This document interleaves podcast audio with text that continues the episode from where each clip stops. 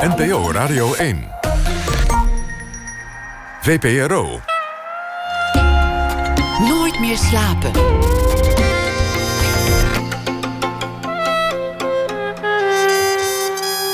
Met Pieter van der Wielen. Goedenacht en welkom bij Nooit meer slapen. Een paradijselijk verblijf leek het, maar het veranderde in een nachtmerrie. Theatermaker en documentairemaker Carina Molier keerde tien jaar na de aanslagen terug met slachtoffers naar het hotel Taj Mahal Palace, dat uh, tijdens de aanvallen in Mumbai in 2008 onder vuur werd genomen. Ze maakte daar een film over en die wordt vertoond op het ITVA Festival. Ze is de gast na één uur. Annelies Verbeke schrijft een verhaal bij de voorbije dag en uh, draagt voor. Komend uur praat ik met Alex Roeka.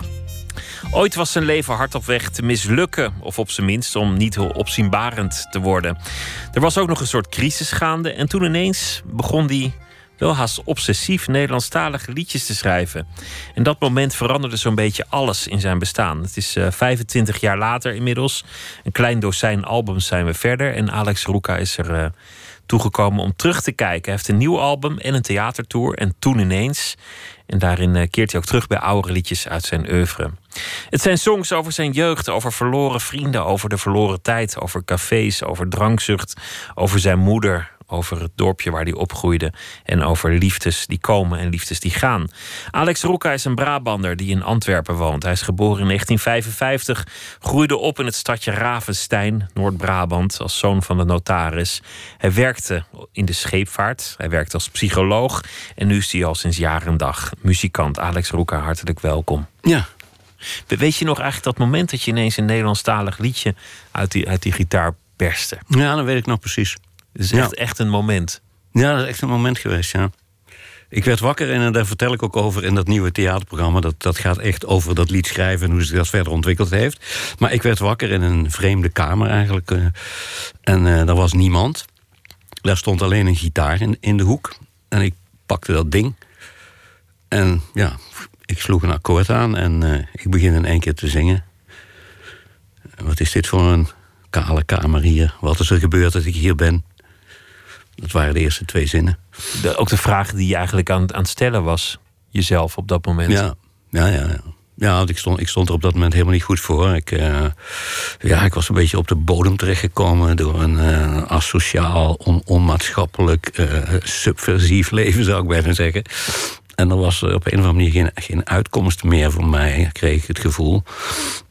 Totdat ik dat liedje schreef, waarvan ik net de eerste twee zinnen heb genoemd.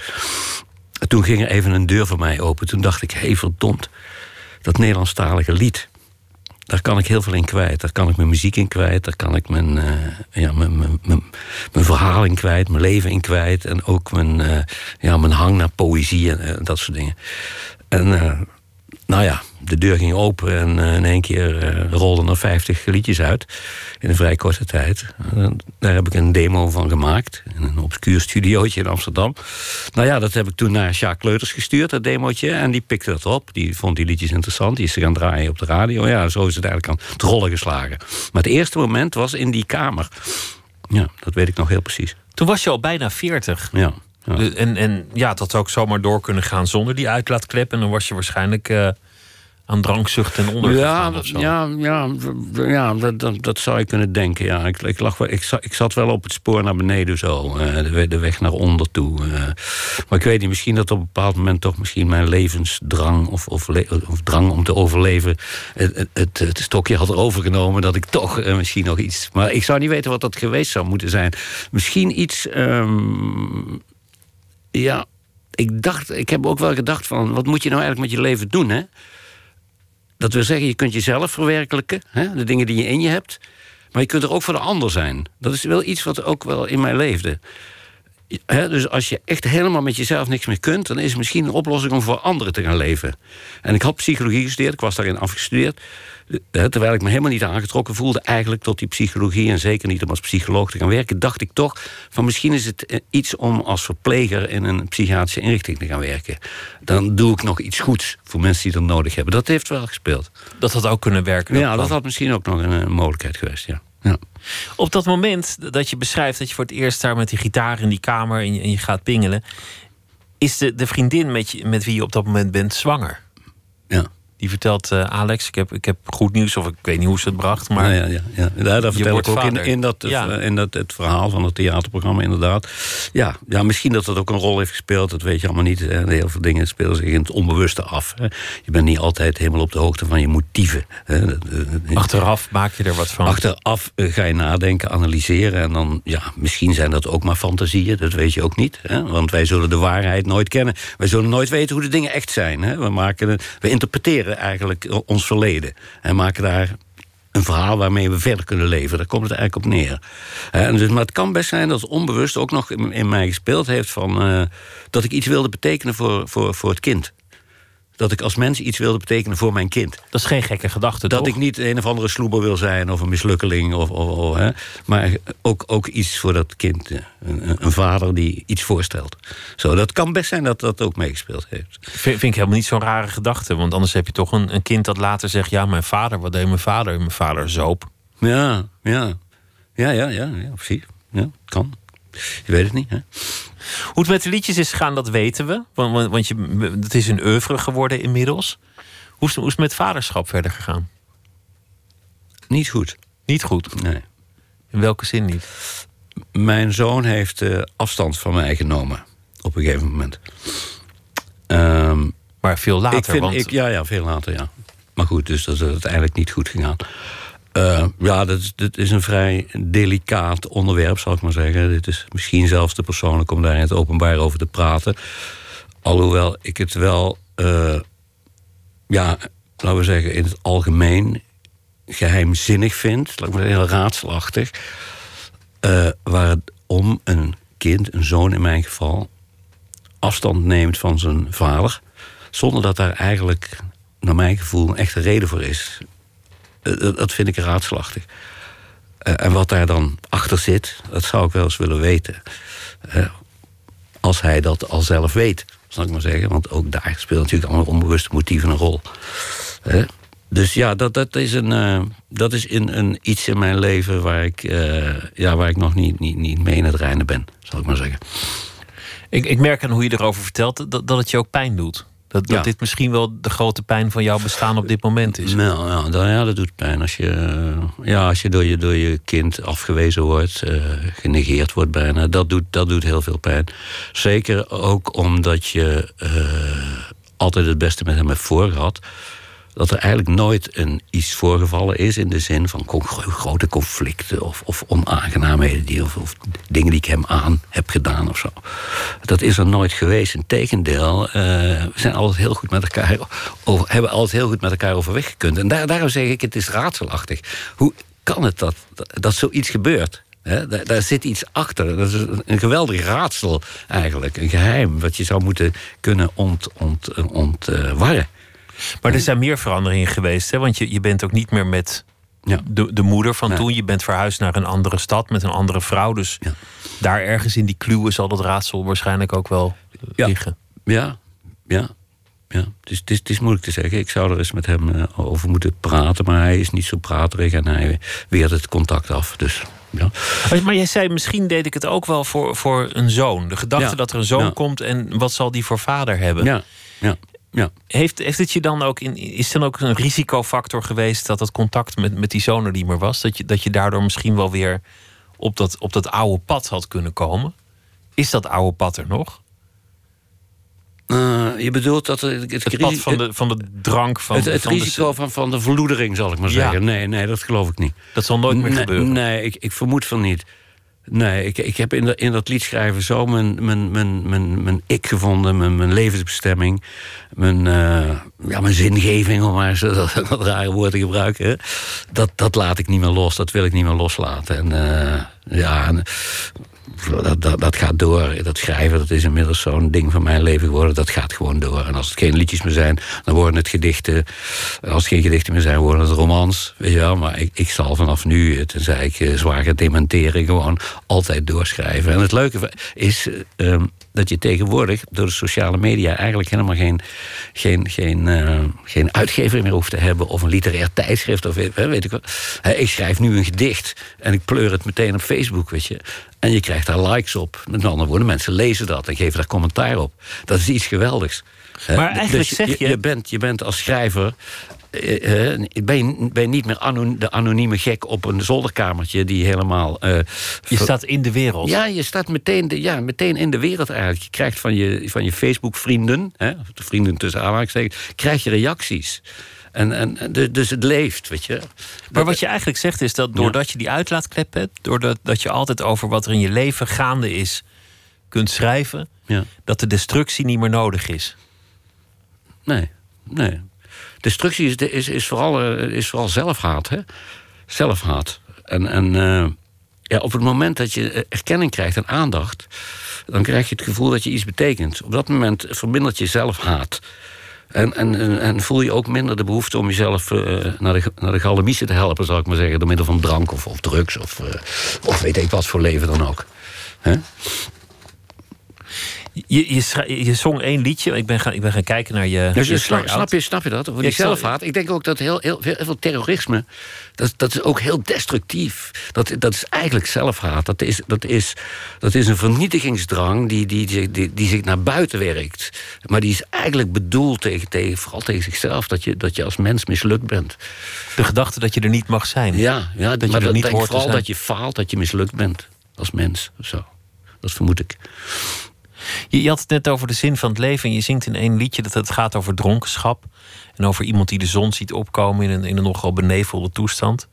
En, en dan, dan zing je zoiets als van je hebt het leven maar te leen. Ja. Ja. Dat, dat, vond, dat vond ik een prachtige zin en een prachtige gedachte. Je hebt het leven maar te leen. Het is niet echt van jou. Je hebt het maar heel even. Je moet het weer teruggeven. Ja, ja. Ja. En daar volgt op, het is mooi en vreemd. Ja, Dat ligt een beetje in het verlengde. Het is mooi en vreemd. Je hebt het maar te leen. Ja, het is mooi, het is wel mooi, maar het is wel vreemd. Je zult het nooit begrijpen waar je in verzeild bent geraakt. Hè? En, hoe je hier terecht bent gekomen. Eh, er zijn eh, hogere machten. Ik wil, niet, ik wil niet over God praten, daar geloof ik niet in. Maar er zijn machten die, eh, ja, die jou dat leven gegeven hebben. Hè? De, de evolutie, de, de, bi- de biochemie, de biologie. Hè? Waardoor je ontstaan bent. Hè? Dus het is helemaal niet iets van jezelf. Dat, dat, dat leven, dat heb je gekregen. Maar je hebt het te leen. Je moet het ook weer afgeven. Dat bedoel ik eigenlijk daarmee. hè. je gaat ook weer dood. je mag het niet En dan houden, geef ja. je je leven af aan waar het vandaan komt. De stilte, de dood, de, de, de, de natuur. Tot as, tot stof zullen wij wederkeren. Want we hebben het van het stof te leen gekregen. Je, je blikt terug met, met de tour en ook met, met het nieuwe album ook een beetje op, op alle liedjes die je gemaakt hebt eh, in, in de loop der, eh, der, der jaren. We gaan terug naar het, naar het dorp van je jeugd. En eh, dat is Ravenstein. Stadje is het, hè? Onze stadje. Ja, dan worden, ze, dan worden ze kwaad, hoor. maar het is een stadje met 8000 inwoners. Ja, het is een heel klein eh vestingstadje aan de Maas in Brabant, inderdaad. Maar ze zijn trots op hun eh, stadsrechten. Ze ze bestaan volgens mij al meer dan 650 jaar of zo als stad. Ja, dat is wel een... dan, stadje. ja, daar moet je echt voor opletten, hoor. En daar, daar is ook een kermis. Daar had je ooit al een lied over gemaakt, maar dat heb je opnieuw opgenomen. Ja. Ehm, beter, naar mijn smaak. Het, het, het, is, het, het, het lied heeft wat eh, gerijpt. We gaan luisteren naar dat nummer Kermis in Ravenstein.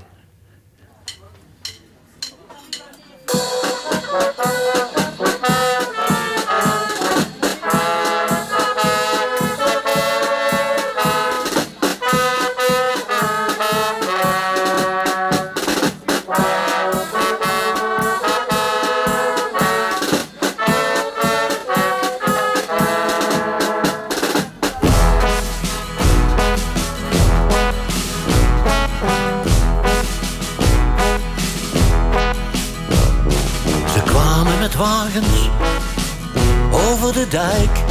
Je hoorde het roepen, daar heb je ze, kijk dan. Die spin van het spookhuis, Gaston van de Kraam. Ga uit de weg hier, de tent komt eraan.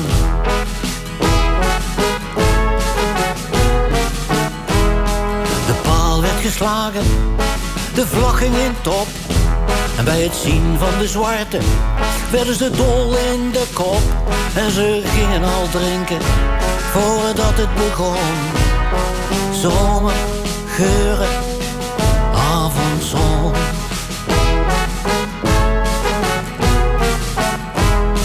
En als dan de paarden in het rond gingen draaien. Voor de kleintjes, zo stil en bevreesd. En het schot uit de heup weer recht in de roos was. Met de buks die krom was geweest. En als ook de band die vanavond kwam spelen er nu elk moment kon zijn. En hoog op de benen, de vrouwen verschenen. Oh, was het kermis in Ravenstein.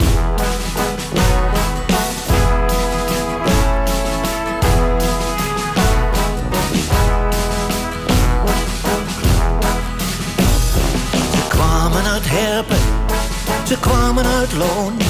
Dat werd rossen en rammen zo ging dat gewoon, ja. Leven is vechten, sprak de dokter voldaan. Dit oor ligt eraf en komt er nooit niet meer aan.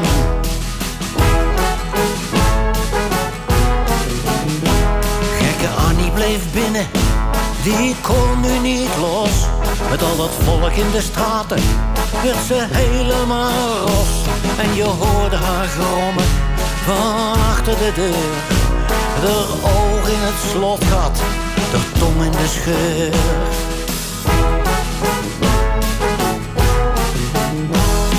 En als dan de band al die nummers ging spelen, van nachten en wachten op jou. En van weten, en dat je me nooit zal vergeten, maar toch wil iets staan in de kou. En de accordeon er zijn wals van ging maken van die tranen, die dromen, die pijn. En de hele tent stampte, zwierde en dampte. Oh, dat was het kermis in Ravenstein.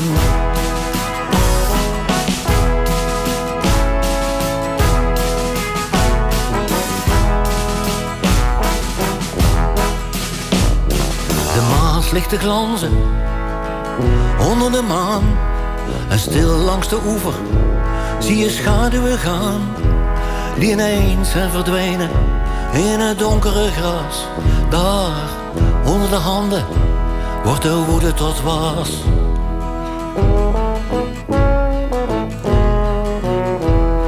En tussen de touwen, achter de tent, staat Kobus te kotsen, het zuipen ontwend.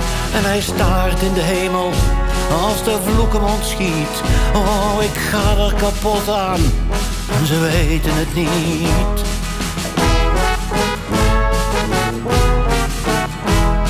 En achter het zeil loopt het feest op zijn einde.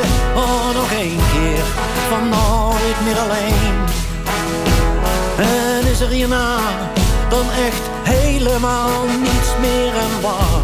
Moeten we in godsnaam dan heen? Oh ja, kom maar naar mij. Zwaait Sjaak met zijn staken. Er staan nog een paar kratten wijn.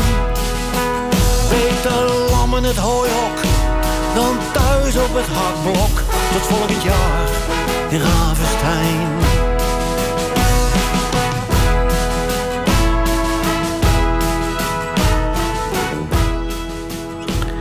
Kermis in Ravenstein van het uh, album En toen ineens van Alex Roeka, die tegenover mij zit.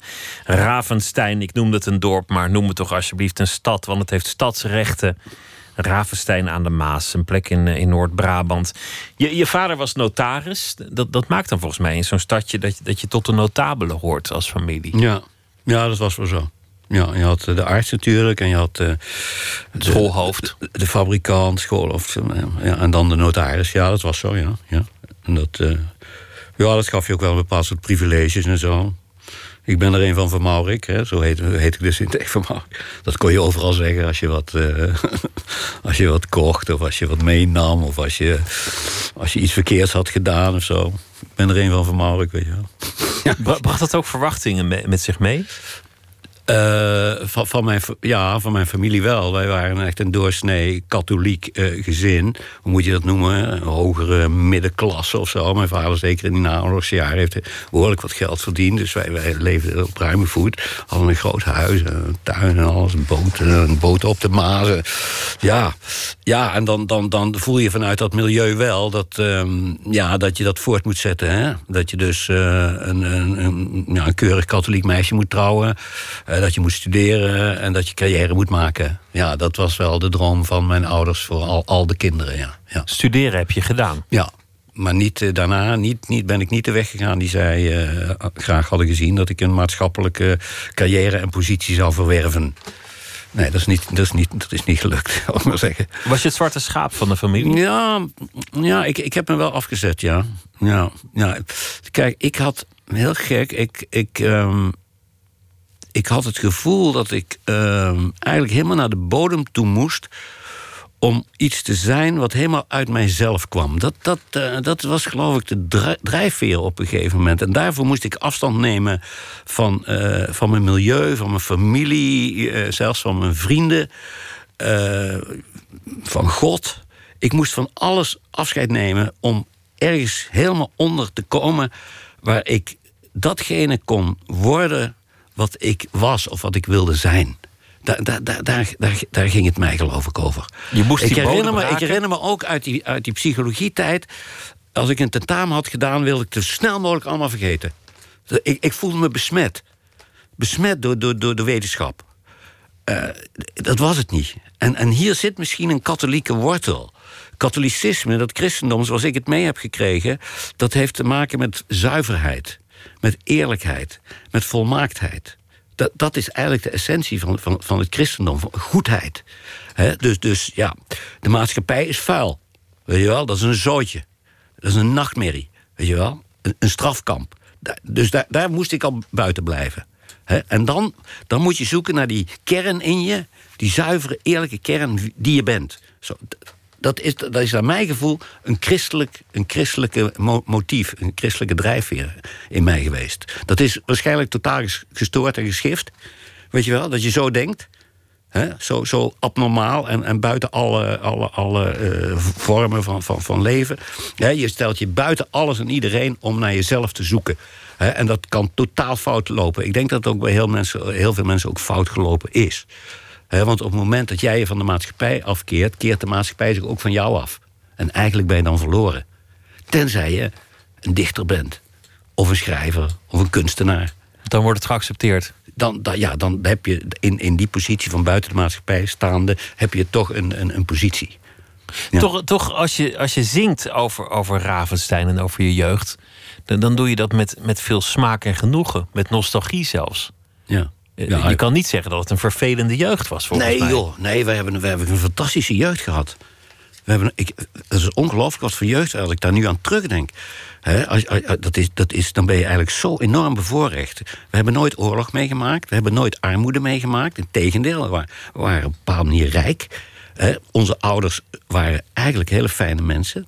die, die, die, die, die, ja, die hebben ons eigenlijk nooit enig kwaad berokkend. Die waren heel gul vanaf een bepaald moment, toen ze merkten dat ze de grip op ons kwijtraakten, hebben ze ons ook laten gaan. Hebben ze ons in vrijheid ons laten zijn die we wilden zijn. Dus ja, nee, ik heb die jeugd, is eigenlijk een fantastische jeugd geweest. Zelfs mijn kostschooltijd. Uh, ik ben van mijn negende tot mijn achttiende op kostschool geweest. Maar zelfs die kostschooltijd, afgezien van het feit dat er altijd wel iets is van een ontheemd gevoel, was dat eigenlijk ook een hele mooie tijd. Je kon ontzettend veel aan sport doen. We hadden dan een, een band, daar is mijn liefde voor de muziek begonnen. er, waren paarden stonden daar op, dat terrein. Daar kon je zo mee de bossen in, in galopperen. Ja, dat was eigenlijk ongelooflijk. Ongelooflijk. Dus ja, ik, ik, ik, kijk eigenlijk met heel veel plezier op mijn jeugd terug nu. Hè. Dat is wel eens ooit anders geweest, maar nu denk ik... jezus, wat van de jeugd hebben we eigenlijk gehad. En ik kijk ook eigenlijk met heel veel plezier terug naar, op mijn ouders. En ook met verdriet wel. Zo van, want het is niet, uiteindelijk is het niet, tussen mijn vader en mijn moeder niet echt goed, goed afgelopen. Die zijn van elkaar vervreemd geraakt. Zij konden eigenlijk de, die enorme verandering die er rond de 60 en 70 jaren plaatsvond in de maatschappij, die hebben zij nooit kunnen, kunnen verwerken of kunnen accepteren en daarmee om kunnen gaan. Dus die, die mensen die, ja, die raakten in één keer hun kinderen ook kwijt. Wij, wij waren geen katholieke kinderen meer, wij gingen onze eigen gang. En dat hebben ze denk ik als een verraad gezien op een of andere manier. We hebben zoveel voor jullie gedaan, we hebben jullie alles zo opgevoed... en nu ga je die kant op. Nu ga je Vrij Nederland lezen. Nu ga, weet je, dat was een soort verraad. Zo hebben zij dat gevoeld ten aanzien van hun kinderen. Bovendien had- hadden ze, ja, als je zit in, in, dat, in dat vanzelfsprekende eh, katholieke eh, geloof... Dan, dan hoef je ook niet na te denken. Dus mijn ouders waren niet mensen die, die, echt, die, die echt nadachten of zo. Die, die, die, ja, die accepteerden het, zo- het leven zoals het was. Ze werden volgens mij niet geprikkeld om na te denken. Maar toen ze moesten gaan nadenken en het met elkaar moesten gaan rooien in moeilijke tijden, toen ging het niet meer. En toen is mijn vader aan de drank gegaan. En mijn moeder heeft zich in de armen gestort van een dorpspastoor uit de buurt. En zo zijn ze langzamerhand uit elkaar gedreven. En zijn ze eigenlijk, figuurlijk gezien, heel ver van elkaar gestorven. En dat En maakt mij verdrietig. En ten opzichte van jou, want, want hoe is die band met, met jouw ouders geweest? Wa- Was je meer van je vader of van je moeder? Of, of was dat niet een keuze? Ja, ik- moet ook zeggen dat, dat, dat mijn, mijn ouders op een bepaalde manier heel, heel afstandelijk waren. Mijn vader was een, een, een, een hele, eigenlijk een, taal- was wel een spontane, ongecompliceerde man, maar tegelijkertijd heel erg gesloten. Dus die, die wist ook met zijn gevoelens eigenlijk geen raad. En dat, dat, dat, eh, dat compenseerde hij dan door enorm gul te zijn. Wij konden alles krijgen. En dat was zijn liefde. hè. Maar heeft je nooit gezegd dat hij van je hield? Nee, nee, er was geen sprake van eh, heel veel arm om je heen leggen of zo. En mijn moeder, mijn moeder was, was eigenlijk een heel romantisch mens. Maar tegelijkertijd ook weer heel afstandelijk. Heel, eigenlijk koud. Ik herinner me dat ik als kind altijd bij haar op de schoot wilde zitten. En dat, daar had ze moeite mee. Ik voel nog, als ik bij haar op schoot kroop... dan voel ik nog die weerstand. Weet, dat ze dat eigenlijk niet wilde. Dus de- die, die warmte, de- die affectie... hebben wij van thuis uit niet- echt meegekregen. Maar als je vader nooit zei dat hij van je hield, was het eigenlijk wel zo? Hield hij van je? Ja, ik denk dat ze van ons hielden. Ik Denk denk dat ze, dat ze van de kinderen hielden, ja. ja. ja. Heb je daar wel eens aan getwijfeld? Ja, kijk, toen ik op een gegeven moment eh, een kant op ging die zij niet wilde...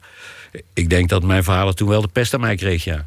Ja, dat, dat, was, dat was wel een soort VVD'er, weet je wel. Of een, een KVP'er in die tijd.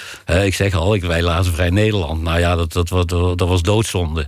Dus die kregen op een bepaalde manier ook wel een hekel, een hekel aan mij. En, eh, ja, toen, en toen mijn maatschappelijke carrière niet echt van de grond kwam, om het eens zacht uit te drukken. Ja, toen heb ik ook wel zo gemerkt als hij gedronken had of zo bij feesten, dat hij, eh, ja, dat hij, eh, dat hij daar wel moeilijk mee had. Dat hij eigenlijk die, die, dat hij mij niet zo waardeerde of zo. Heeft hij, heeft hij wel eens ermee gedreigd, of, of het misschien ook wel een tijd geprobeerd om, om gewoon het contract, co- contract, contact te verbreken? Zeg maar, de, die, die band tussen vader en zoon. Nee, nee, nee, nee. Nee, wat dat betreft waren mijn ouders dan ook alweer heel trouw. Nee, die zouden nooit de band met hun eh, kinderen verbroken hebben. Nooit niet. Nee, die zouden altijd eh, solidair blijven. En, en eh, ja, ja, zeker. Ja. Nee, wat dat betreft is, heb, ik, heb eigenlijk de beste herinneringen aan mijn ouders. Op die paar dingen na die ik nou noem. Dat, ja, een soort gevoelsarmoede, geslotenheid, afstand. Ja, god, het speelt ook wel een beetje in die tijd. En, en ook wel, het ook wel het milieu waar ze uitkwamen. Eh, ze kwamen uit, een, uit, ik denk allebei uit een milieu waar, waar, waar, waar, waar warmte, waar gevoelens, waar praten over gevoelens niet gebruikelijk was in die tijd. Dus ja, ik kan ze eigenlijk ook niet kwalijk nemen. Het- het- ik denk dat er heel weinig mensen misschien in. Ik vraag me, dat vraag ik me wel eens af. Hoe zou dat nou met andere mensen in Ravenstein geweest zijn? Zouden daar warme, affectieve mensen geweest zijn die, die met hun kinderen gesproken hebben? Of was dat gewoon was niet dat zo? die katholieke cultuur gewoon eigenlijk een hele koude cultuur? Ook misschien ook wel een cultuur die heel erg op uiterlijk was en zo. Hè? Daar zit ik wel eens over, over te denken. Keer er ook terug nu je ouder wordt? Misschien niet, niet eens lichamelijk, maar, maar ook in je hoofd. Sorry? Nou, dat, dat stadje, krijg je er meer liefde voor nu, Ja. nu, nu de jaren voor. Ja, ja, ja, ja, ik ben graag in Ravenstein. Ja, ja. En, en ook meer dan vroeger. Ja, nu, nu kom ik er zo wat meer terecht op, op een of andere manier. Ik was er laatst ook nog, had ik een optreden in Velp. Dat is een dorpje vlakbij Ravenstein.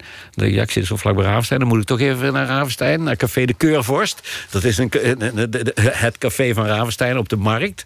En daar, daar ligt heel, heel veel geschiedenis, ook van mijn familie. Mijn ouders hebben tijdens de oorlog boven, de, boven dat, daarboven gewoond. Mijn oudste broer is daar ook geboren.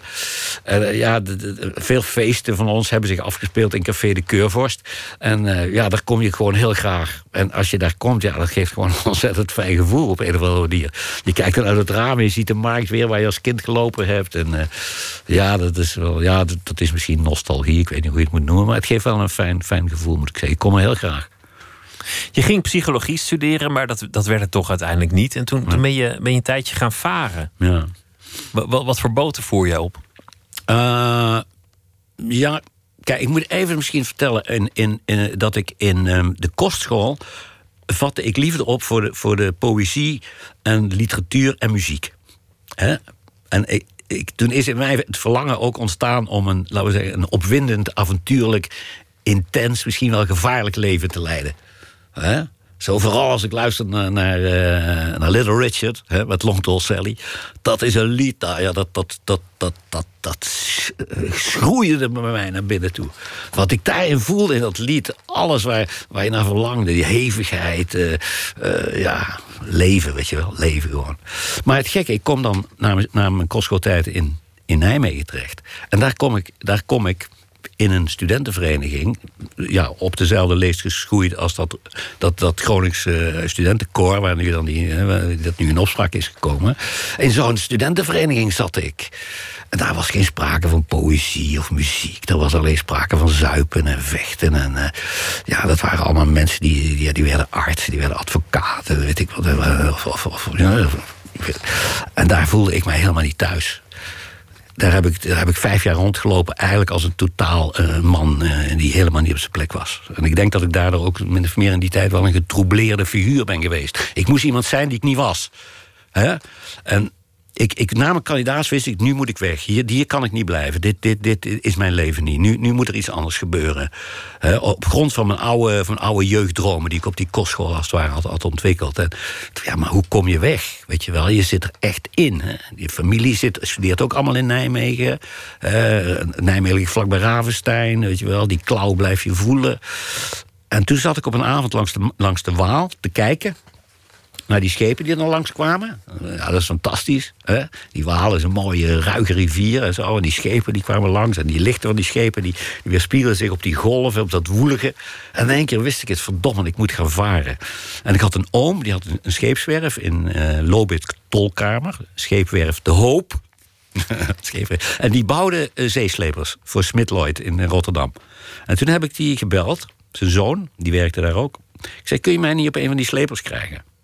Nou ja, ik zat, twee weken later zat ik erop. En uh, ja, toen is mijn leven, laten we zeggen, begonnen. En was het ook het grootste, meest slepende leven waar je op gehoopt had? Want het is natuurlijk ook gewoon werk. Ik bedoel, je vaart en dan leg je aan en dan moet je dingen doen. En... In zeker, zeker zin wel. Maar op een heel andere manier als je dat voorstelt natuurlijk. Het begon al met die zeeziekte.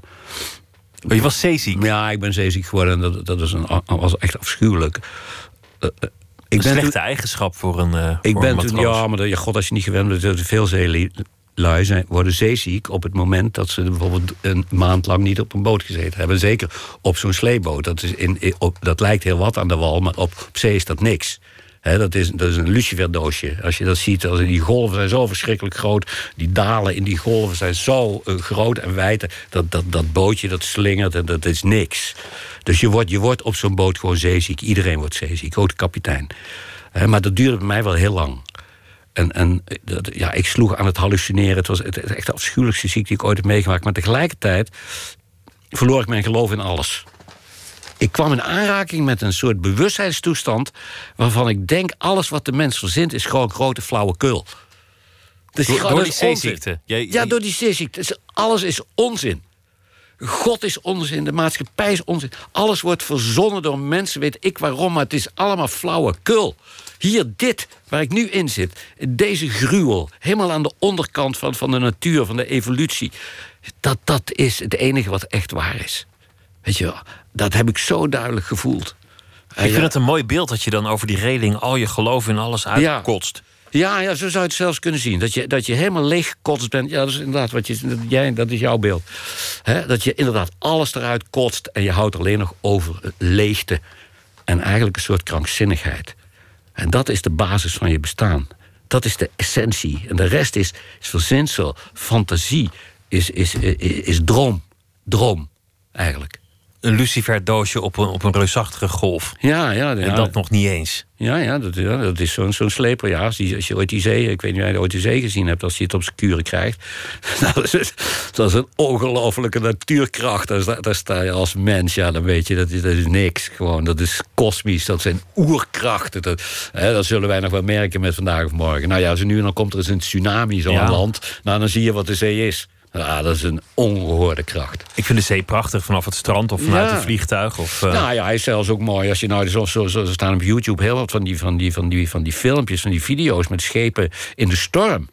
Daar kijk ik ontzettend graag naar zo, zo, zo, zo afschuwelijk. Dat die, die, die kracht en dat zo'n boot, die kan eigenlijk niks. En die wordt van hot naar haar geduwd en zo. En, en die zee interesseert dat niks. Dat is een totaal onverschillige natuurkracht. Weet je wel, daar, daar zit niemand achter. Niks. Alleen maar, uh, ja, weet ik het, een kosmische energie of zo. En uh, ja. Hoe eindigde die carrière? Was, was Welke dat de carrière? De, nou, jouw zeemanscarrière. Ja, dat was geen carrière. Ik was in feite gewoon een werkstudent aan boord van zo'n sleeboot. En hoe, hoe hield dat op? Ja, dat hield op een gegeven moment op, ja. Jezus. Zei je op of werd je ontslagen? Nee, nou, wij lagen in Ravenna. In, in, aan de Adriatische Zee in Italië om booreilanden te verslepen. Daarvoor was die boot ingehuurd. Wij waren nog niet in Ravenna. En uh, wat gebeurt er? Die jongens van de boot die bestellen een taxi. En hup, iedereen erin, behalve de kapitein. En wij rijden naar Bologna. Oké. Nou, we, stappen een huis binnen. Nou, ik wist niet wat ik zag. Ik kom, ik, ik kom een, kamer binnen met, met, met helemaal rood verloer en, en, een prachtig gedempt licht. En ja, jij voelt hem al aankomen natuurlijk. Daar zaten in mijn herinnering een stel vrouwen zo verschrikkelijk mooi als ik ze nog nooit gezien had. Hè? Nou, die jongens die schoten meteen naar boven. Ik had helemaal niet het benul of het idee om met een van die vrouwen de, de liefde te gaan bedrijven. Dat, dat, stond zo verschrikkelijk ver van mij af. Dus ik ging gewoon aan die bar zitten daar. En ik bekeek dat allemaal zo met, met, ja, met de ogen van, van een 22-jarige jongen... Die, die, die, die, een kat in een vreemd pakhuis, die weet waar die verzeild is geraakt. En toen komt er één keer de machinist, die komt naar mij toe... en die zegt, jij moet met die vrouw die daar zit naar boven gaan. Ik heb al betaald. Zegt die gast. Ja, Jezus zei. Jij moet met die vrouw niet naar boven gaan. Ik heb al betaald voor je. Dus ik ben met die vrouw naar boven gegaan. Nou ja, wat, wat ik daar meemaakte, ja, dat, dat, was, ja, dat was voor, voor mij, hè, als, als, als, als, eigenlijk als maagd, zal ik maar zeggen. Dat, dat was, dat was uh, ja, dat was een atoombom, zou ik maar zeggen. Zo, dat was zo'n verschrikkelijk mooie vrouw. En die was zo fantastisch. Die was zo zacht en zo lief. En die stelde mij zo op mijn gemak. En dat was zo'n prachtig wijf. Godverdomme, ja. Dan weet je wel wat er gebeurt. Ja, ik kan me voorstellen. Ik werd verliefd. Oh, je werd verliefd? Ja, ik werd hartstikke verliefd op die vrouw. Die, die, die loste op een of andere manier al mijn gekke, gefrustreerde dromen... die ik op kostschool had gehad en in die studententijd waar, waar ook niks kon... loste die in. In, in dat half uur. Ik werd helemaal gek van een mens. Jezus Christus zeg. Dus ik, ja, zodra ik de kans zag... ik naar Bologna met de trein vanaf Ravenna. Maar ik kwam steeds te laat terug. Ik kwam... Hè, ik kwam Oh, dan moest je weer aan de boot zijn. Maar ja, dan... ik, ik, moest dan weer, want die, gingen, die voeren s morgens om nu of zes uit. Weet je wel. Dus ik ben een paar keer heb ik de boot gemist. Dan zijn ze uitgevaren zonder mij. En dat, toen dat de derde of vierde keer gebeurde, daar gaat wel een hele tijd overheen. Toen zei die kapitein, nou moet je maar gaan zeg dit hoeven wij niet meer. Nou ja, en toen werd ik uh, van boord gezet. Oké. Nou, ik vond hem niet heel erg eigenlijk. Want ik was zo stapelgek op die vrouw. Maar dat klinkt niet echt als een potentieel succesverhaal, zoals je het net vertelde. Hoezo? Nou ja, een vrouw die in een bordeel werkt en dan, dan jij naar boven en dan, dan met die vrouw en dan verliefd worden, dat, dat Ja. klinkt als rampspoed. Vind je? Ja. ja. Man, dat is, dat is een van de mooiste ervaringen in mijn leven geweest. Ja, dat, dan ontdek je de liefde, dan ontdek je de schoonheid van het vrouwelijk lichaam... dan ontdek je de, de seks, dan ontdek, ontdek je hartstocht. Dan, dat, dat- ja, dat is fantastisch, op zo'n manier. Ik bedoel, er was niet een, een vrouw, je geeft haar 25 euro... en ze probeert zo snel mogelijk eh, eh, eh, uit de, uit de kamer te krijgen. Zeker niet. Die deed echt haar best. Ja, een droom, die speelde een spel, maar dat deed ze zo fantastisch. Ik, ik had daar geen verweer tegen. En, en, en ja, dan gaat het verhaal verder. Op een gegeven moment was ze er niet meer. Was ze er niet meer. En zij was een Braziliaanse vrouw. En die was naar Italië gekomen om haar broer op te zoeken. Maar ze had die broer niet kunnen vinden. En om de terugreis naar, naar dingen te verdienen, was ze in dat bordeel gaan werken. Maar op een, op een, op een avond was, was ze er niet meer. Ze was weg. Dus die was terug naar Zuid-Amerika. En ik denk in mijn, met mijn gekke kop... oké, ik lift naar, naar Genua... en ik, ik pak daar een boot naar Zuid-Amerika... en daar vind ik haar.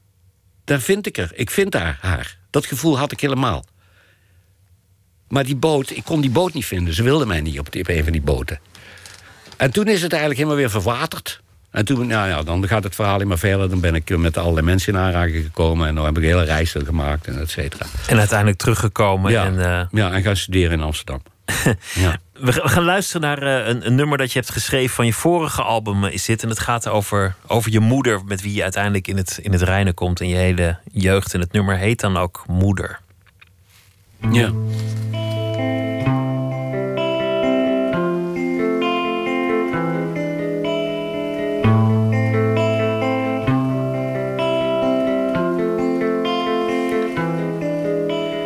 Moeder, kom nog eens praten in mijn droom over toen. Onverbloemd en zonder schoon. Over hoe het eraan toe ging vroeger bij ons thuis. Wat er broeide in dat huis. Moeder, kom nog eens zitten in uw stoel. Praten over uw verzwegen gevoel. Dat al die drank en herrie helemaal niet uw wereld was. Dat u liever een ander leven had gehad.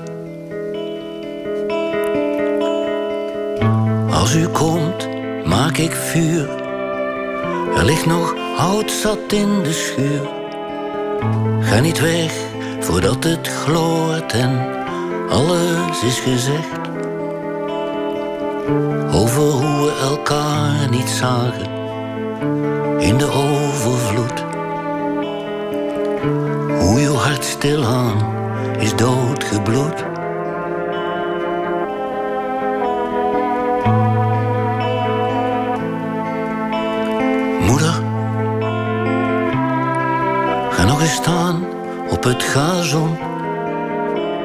De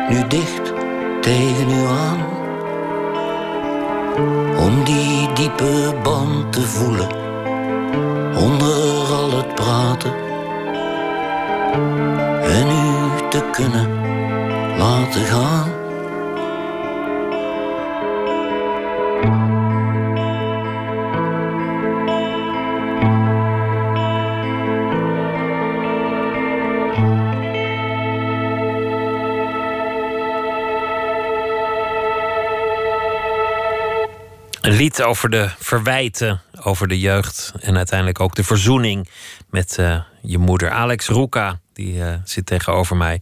We hadden het eh, over, over, over hoe je muziek ging maken, Nederlandstalige muziek ging maken. Hoe dat je redding is geweest. Misschien ook wel het, vaderschap. Al is dat vaderschap, eh, zoals het er nu naar uitziet, niet zo goed gelopen. Misschien voor je. Je grote verdriet noemde je dat. We hebben gesproken over je verzet tegen een notabele familie waar je uitkwam. Je moest alles afbreken. Je was destructief, maar dat destructief is er nu vanaf omdat je die muziek hebt gevonden al 25 jaar. En je vertelde over je omzwervingen en ook over de, de liefde voor een hoer die je in Italië tegenkwam. Ja, hoer vind ik een Hoer beetje- vind je een lelijk woord. Ja, dat vind ik een rot woord, ja. Maar je betaalde er toch voor? Ja, je kunt ook zeggen de vrouw van de betaalde liefde. Alhoewel liefde is dan nou daar weer een te groot woord. Nee, maar je hebt gelijk. Maar er zijn tegenwoordig woorden als eh sekswerker of weet ik veel. Dat Ja. vind ik ook afschuwelijk. Vind Ja, ik ook. Ja. Maar voor jou is, het toch, is, het, is het echt een liefde ook? Of heb je er nooit meer gezien? Of, of was het uiteindelijk een illusie? Hoe zie je dat eigenlijk? Ja, het zal waarschijnlijk wel een illusie geweest zijn. hè. Maar ja, welke, heel, veel, heel veel verliefdheden, heel veel liefdes zi- zijn eigenlijk illusies. Omdat je niet precies weet wat er, wat er eigenlijk allemaal precies speelt in het bewustzijn van een mens, van een vrouw, van een man. Eh, ik vind dat een eh, problematisch begrip, eh, liefde. Eh, Nog steeds? Of ben je eruit inmiddels? Nee, ik weet het eigenlijk niet zo goed wat het- wat- hoe je liefde moet ont... Dat zijn van die grote woorden, vriendschap. Dat vind ik ook zo'n enorm woord, weet je wel. Maar wanneer is er nou sprake van vriendschap? Ja, hoe moet je dat definiëren? Ik, weet, ik weet het niet. Ik weet Dat is ook het een van, een van, je, van je hele mooie nummers. Noem het alsjeblieft geen liefde. Ja, ja, noem het geen liefde. Ja, precies. Ja, ja, ja. ja, want ik weet ook niet wat liefde is, dus noem het maar niet zo. Ja, god, ik weet niet. Het is, het is, een bepaald gevoel, het is misschien een, een bepaald gevoel dat je heel moeilijk onder woorden kunt brengen. Dat, het, en dat heel warm en diep is en een, een soort eh, verbondenheid heeft met, met een ander iets, iemand. Eh, dat, zal, dat zal het zijn. Hè? En, en op het moment dat je het hebt, zul je zeggen: ah, dit, dit, dit moet liefde zijn of zo. Ja. Hè? zal dit het wel en, dat is dan ook misschien wel weer heel snel weer ver- vervlogen. Ik bedoel, gevoelens zijn eh, fluct, fluctuerend. Hè? Die zijn niet voor eeuwig, die zijn niet altijd. Die, het gemoeds, menselijk gemoedsleven is een, is een stroom. Hè? Met, met golfbewegingen. Hè? Dat, de, de, de- de liefde voor altijd, ja, dat, dat bestaat eigenlijk niet. Of, eh, Maar toch, he- toch heeft de liefde je jou, nou ja, ook alweer een jaar of tien geleden, grote bewegingen laten maken. Ja. Toen je ze niet meer verwachtte. ja, Je ja, dacht dat je gezetteld was met je gezin. En je dacht dat alles wel was zoals het zou zijn. ja, En ineens liep alles anders. ja, ja, ja, Naar Antwerpen gegaan. Ja, Je, je gezin in de steek. ja, ja, ja. in de steek. Ja, of, ja, of is dat lelijk? Ja, het zou kunnen. Misschien wel. Misschien heb ik ze gewoon in de steek gelaten. Ja. Ik weet het niet. Ik, was, eh, ik, werd, ja, ik werd verliefd en eh, er was geen houden aan. Eh, dat is gewoon een, ja, zo'n ontzettende leuke, fijne vrouw. En, maar dat was mijn oude vriendin ook. Dat was ook eigenlijk een fantastische vrouw. Op een heel andere manier. Een hele leuke, leuke vrouw eigenlijk. Maar ik weet niet. In één keer eh, schoot er een rare vlam in me en eh, ik was niet meer te houden. Ja, misschien zijn dat allemaal afwijkingen zo van iemand die zich snel laat gaan of die heel, heel, heel beïnvloedbaar is of zo. Ik weet het niet. Eh, Misschien. Ik vind dat nog, nog steeds heel moeilijk. Maar ik heb het niet fout gezien, want eh, ik ben nog steeds met haar. En eh, ja, dat, die heeft me wel iets bijgebracht waar we het daar straks over hadden, weet je wel. Dat, dat affectieve, dat, dat afstandelijke, dat, dat eigenlijk bijna koude. Wat ik van mijn familie heb meegekregen. Want als jij als kind geen affectie ontvangt van je ouders dan, dan, dan leer je dat niet, dan leer je dat zelf niet. Als je, zelf, als je niet geknuffeld wordt door je ouders, dan knuffel jij zelf ook niet. Hè? Dat, dat, dat, heb je nooit geleerd. Zo. En, eh, maar maar door, door mijn Vlaamse vriendinnen heb, heb ik wel, wel geleerd wat dat, wat dat is. Weet je wel, warmte, affectie, knuffelen, emoties, eh, diepe gevoelens en zo. Dus, eh, ja. Dat, dus ik, ja, ik, ik, wat je Een zegt, zachtere man ik geworden ben, ook. Ja, ja, ik hoop het. Ja, ik hoop dat echt, ja. Dat ik ja, zag dat ik empathischer ben geworden. Dat ik ja, meer begrip voor, kan opbrengen. Dat voor anderen en, en daarvoor kan openstaan. En, en ook voor anderen gewoon een, een aardig mens eh, eh, kan zijn. Hè? Dat, dat is moeilijk hoor. Als eh, schrijver, zou ik maar zeggen, schrijver liedje. Ben je heel erg op jezelf betrokken. En ben je eigenlijk een heel egoïstisch en egocentrisch mens. En dan is het moeilijk om, om, om, je, om je, je aandacht en je, je band met anderen... om die te onderhouden, zal ik maar zeggen. Maar eigenlijk is dat zo ontzettend belangrijk. Want het is eigenlijk misschien het allerbelangrijkste wat er is. Die liedjes die worden vergeten, weet je wel. De hup, dat, dat, dat, over 100 jaar of over 10, 20 jaar kijkt niemand even naar om. Maar dat je iets betekend hebt voor iemand anders... dat is wel heel waardevol. Dat je voor iemand warm bent geweest of begripsvol. Of eh, hè, dat je een waarde betekent, of betekenis hebt in iemands leven. Daar, daar gaat het volgens mij eigenlijk uiteindelijk om. Hè, ik zeg niet dat ik dat kan hoor. Of dat ik dat, of dat, ik dat nu praktiseer of ben. Maar ik, ik zie wel in nu, zo ik wat ouder word, dat dat, dat dat waarden zijn waar het om gaat in het leven. Dat je elkaar leert begrijpen en, en leert waarderen. En elkaar aandacht geeft die je verdient. Ter- Terwijl daarvoor was, was, het, was de muziek eigenlijk altijd het allerbelangrijkste. Ja, in ja, jouw ja, daar gaat het programma ook over. Hè? Dat programma, mijn theaterprogramma, gaat eigenlijk over die, over die obsessie van dat liedschrijven. Ook om, om, om te overleven, weet je wel. Om uit die, uit die put te komen. Daar- daar- maar ook dat dat ten koste gaat. Hè? Want in het laatste stuk eh, heb ik het over mijn vriendin. Die is dan weg. Is ergens anders gaan, gaan wonen, weet je wel. Dus eigenlijk eh, ja, is, is duidelijk van eh, een ge- zo geobsedeerd schrijverschap... dat eh, gaat ten koste van je relatie. En dat zullen heel veel mensen, denk ik, wel herkennen. En dat geldt niet alleen voor schrijven, maar dat geldt voor el- elke obsessie, voor elke bezetenheid die je ontwikkelt. Dat kan zijn in de politiek, het kan zijn in de handel, in, de, in sport of wat dan ook. Het gaat ten koste van, van je menselijkheid. Dat vind ik wel een, een vlek. Dus al die beroemde mensen allemaal, weet je wel. Die Je hebt allemaal een vlek. die, allemaal zo, die het allemaal zo geweldig doen. Nou, je weet wel wat daarachter zit. En dan denk ik dat het voor heel veel van die mensen heel veel moeilijk is om, eh, om in menselijk opzicht ook een geslaagd persoon te zijn. Maar misschien hoeft dat ook niet. Ik bedoel, als je, als je één meesterwerk schrijft, nou ja, dan, Nou, dan neem ik daar wel genoegen mee. Ja, nee, Ja. nee, ik vind ik, wat ik net zei, weet je wel, dat menselijke, daar, dat, daar gaat het eigenlijk uiteindelijk om. Je hebt ook een sabbatical genomen op een zeker ogenblik. Of, of, of hoe moet ik dat noemen? Ja, ik heb een een jaar geen, eh, geen, eh, geen optredens gedaan. Nee, dat klopt. Ja, Je bent in therapie gegaan. ja, ja, ja, ja, ja. Wat, Ja. wat was dat voor periode? Wat, wat was er gaande? Ja, maar hoe ging dat nou ook weer? God, het is ook weer eens een tijdje geleden. Ik, eh, ja, ik denk dat ik, de- ik, ik, ik- Misschien had ik het gevoel van. van eh, eh, dat, het, dat het op een eindje begon te lopen met mijn muziekding. Weet je wel, dat is niet voor een groot publiek wat ik doe. Hè? Dat zijn donkere, over het algemeen ook wel een beetje schrijnende. eh, hoe moet je het zeggen? eh, niet altijd even gemakkelijke liedjes. Zo schurende liedjes noemen ze ze wel eens. Eh, en, eh, ja, dus je hebt een klein publiek, maar dat is ook een heel kwetsbaar iets. Want zo'n publiek kan je ook in één keer kwijt zijn. Er hoeft maar iets geks te gebeuren, weet je wel. Of ze denken, nou hebben we het zo langzamerhand wel eens gehoord. Dus ik dacht bij mezelf, ah, ik moet misschien maar eens een tijdje even uit die theaters gaan. Gewoon. Dat, eh, dat, eh, want ik, ik had toen dus al, al, al, al, al zowat twintig jaar eh, opgetreden. Hè. Misschien dat dat, dat maar ik, ik, kwam, eh, ik kwam mezelf wel tegen toen. Toen miste je het. Ja, ik kwam mezelf wel tegen. Nee, nee, ik, ik viel in een soort eh, gat. Ja, toch wel weer in zo'n soort gat. Eh, ja, van, van, van, van, leegte en verveling. En, eh, nee, dat was helemaal niet goed. Dat liedschrijven en optreden was gewoon een vervulling van mijn leven. En toen ik dat een beetje weg, wegduwde, eh, bleef er ook weer niks over. Maar misschien is het toch- ook wel gewoon goed zo. Ik bedoel, je, je hebt je publiek. Je Ja. speelt in die theaters. Oké, het is niet de Ziggo maar, maar wees dankbaar. Het is, het is leuker waar jij speelt. Ja, dat, dat, dat, ik, ja, ik ben in die zin een bevoorrecht persoon. Ja, ja, ja, dat ik op mijn eigen voorwaarden met mijn eigen liedjes eh, op kan treden in de kleine zalen van de theaters. En dat, en dat, en dat die eigenlijk eh, ja, goed vol zitten. Maar ik wil zeggen, ja, dat, dat is een. eh, daar mag ik mezelf gelukkig mee prijzen. Ja. ja, dat is vrij uitzonderlijk. Ik meen te zien dat je ook, ook voor het eerst op een punt bent gekomen dat er de rust is om, om terug te kijken. Om om te zien en, en dat leven te overzien. En, en een soort begin te maken van je, van je eigen, ja, hoe moet je het noemen, biografie of, Of Ja, soort nee, dat terugkijken heb ik eigenlijk altijd wel gedaan. Zo, die eerste liedjes waren ook al, eigenlijk al terugblikliedjes. Hè? Kleine Blonde van het IJs, dat gaat over mijn kindertijd daar op de gracht in Ravenstein, het schaatsen. Eh, en ik had even Golf van Biscayen over mijn zeemansdingen. En Ik ben altijd wel een beetje zo'n autobiografische schrijver geweest. Met, met, met, in de rug gedekt door het verleden, zou ik bijna zeggen. Dat heeft altijd, heeft altijd wel bestaan. Maar niet echt een overzicht. Niet echt Een een, een soort overzicht. blik van... oh, dit is eigenlijk waar het bestaan over gaat. Dit zijn eigenlijk de, de lijnen. Ja, dat, ja, poeh, ja, ja, ja. Ja, misschien dat ik door het schrijven van dat boek... wat ik, wat ik afgelopen zo, of eh, vorige zomer gedaan heb... dat me dat eh, de ogen geopend heeft over bepaalde lijnen... die er in mijn, in mijn leven eh, spelen... waar ik nu ook over verteld heb. Zo. Dat heb ik ook niet altijd geweten. Hè? Dat, dat ontdek je al terugkijkend zo... van wat er gebeurd is op die kostschool, die studententijd... het varen, et cetera, dat je jezelf wilt verwerkelijken. zo. Dat, ik, dat, hè, dat, dat is, laten we zeggen, het boek...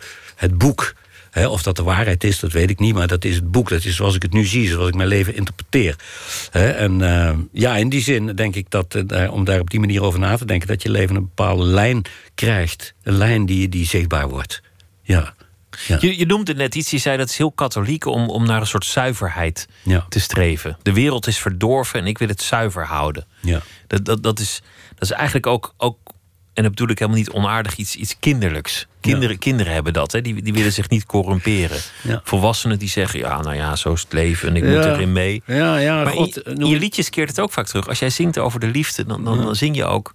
Het, het kan niet anders. Ik kan het alleen maar op, op de eerlijke manier. Ik kan, Misschien, ik kan ja, niet op een andere manier. Misschien ben ik nooit volwassen geworden, dat kan zijn. Ja, dat het een tekortkoming is. Dat je niet, eh, dat je niet de kracht hebt om je in de maatschappij te, te, te handhaven of zo. Dat je daar bang voor bent. Dat, dat, dat, en dat je door die, angst, een- door die angst schiet je dan een andere kant op. eh, zo. Hè, je hoeft het niet een en- tekortkoming Rechtvaardiging is dan dat je jezelf bent of dat je zuiver blijft of zo. Maar misschien is het gewoon alleen maar angst. En is het alleen maar. eh, eh, ja, dat je, dat je het niet kunt, onmacht. Twijfel aan jezelf, dat kan ook best. Zo kun je het ook zien. Zo kun je het ook zien, ja. Ja, ja maar ja, goed, eh, die volwassenheid. wat ik weet wat niet, wat, vind ja. jij nou volwassen? Vind je nou iemand zo'n zo, zo'n Trump en zo, weet je wel? Die, die- die- vind je dat dan een volwassen man? Die heeft zich in de maatschappij goed kunnen handhaven. Hè? Die heeft zich goed kunnen handhaven. Nou, dat is niet iemand die ik nou volwassen zou noemen. Ja, nee, nee, maar, maar, ja, maar, nee, maar andere mensen die je hoog staan in het, in het zakenleven of, of in, in de politiek en zo, en die, die hebben het dan op een of andere dat, dat zijn dan volwassen mensen. Zo, zo worden ze denk ik gezien. Hè? Maar ik vind dat geen volwassen mensen. Dat zijn in zekere zin de totaal onvolwassen mensen.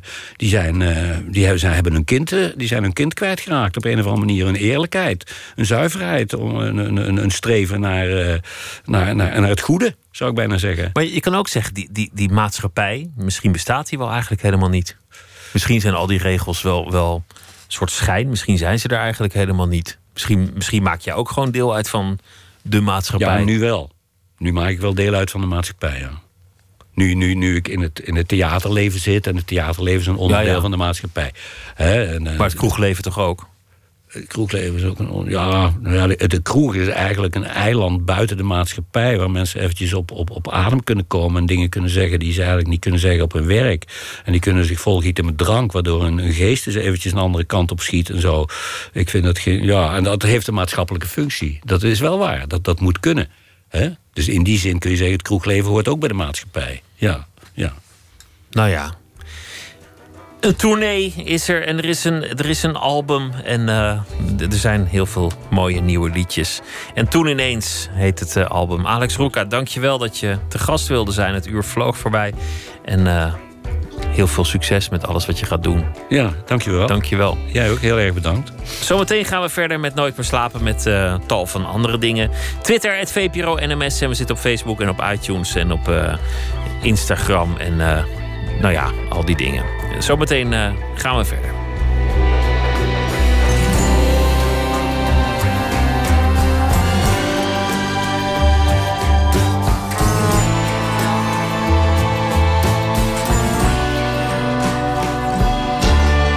Radio 1. Het nieuws van alle kanten.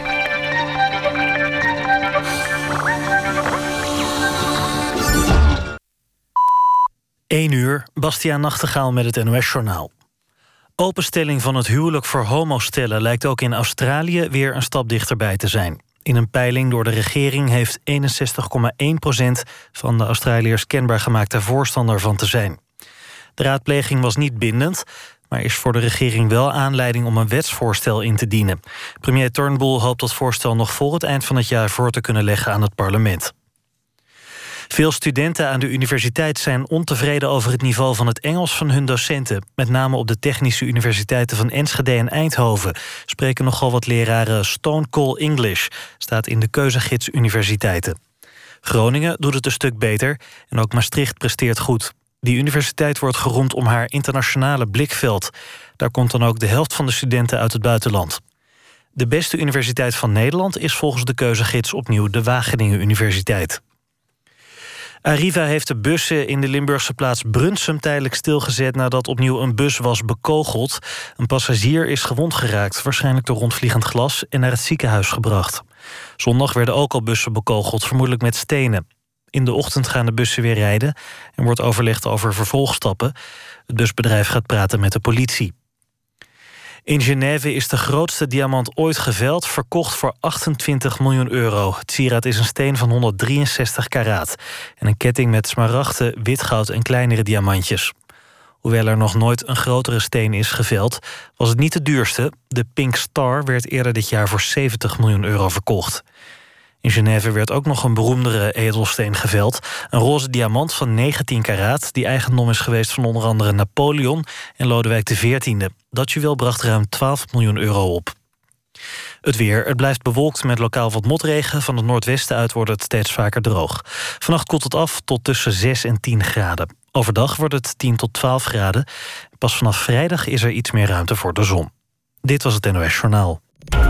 NPO Radio 1. VPRO. Nooit meer slapen.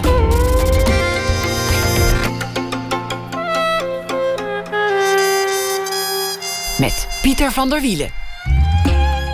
Dat design ook activistisch kan zijn, dat liet uh, ontwerperscollectief Wild Plakken zien in de jaren 70. Lies Ros kwam erbij in 1977 en vertelt straks over die tijd. Vijf getuigen van de aanslag uit 2008 in uh, Mumbai keren terug naar de plek des onheils, waar hun leven voor altijd veranderde.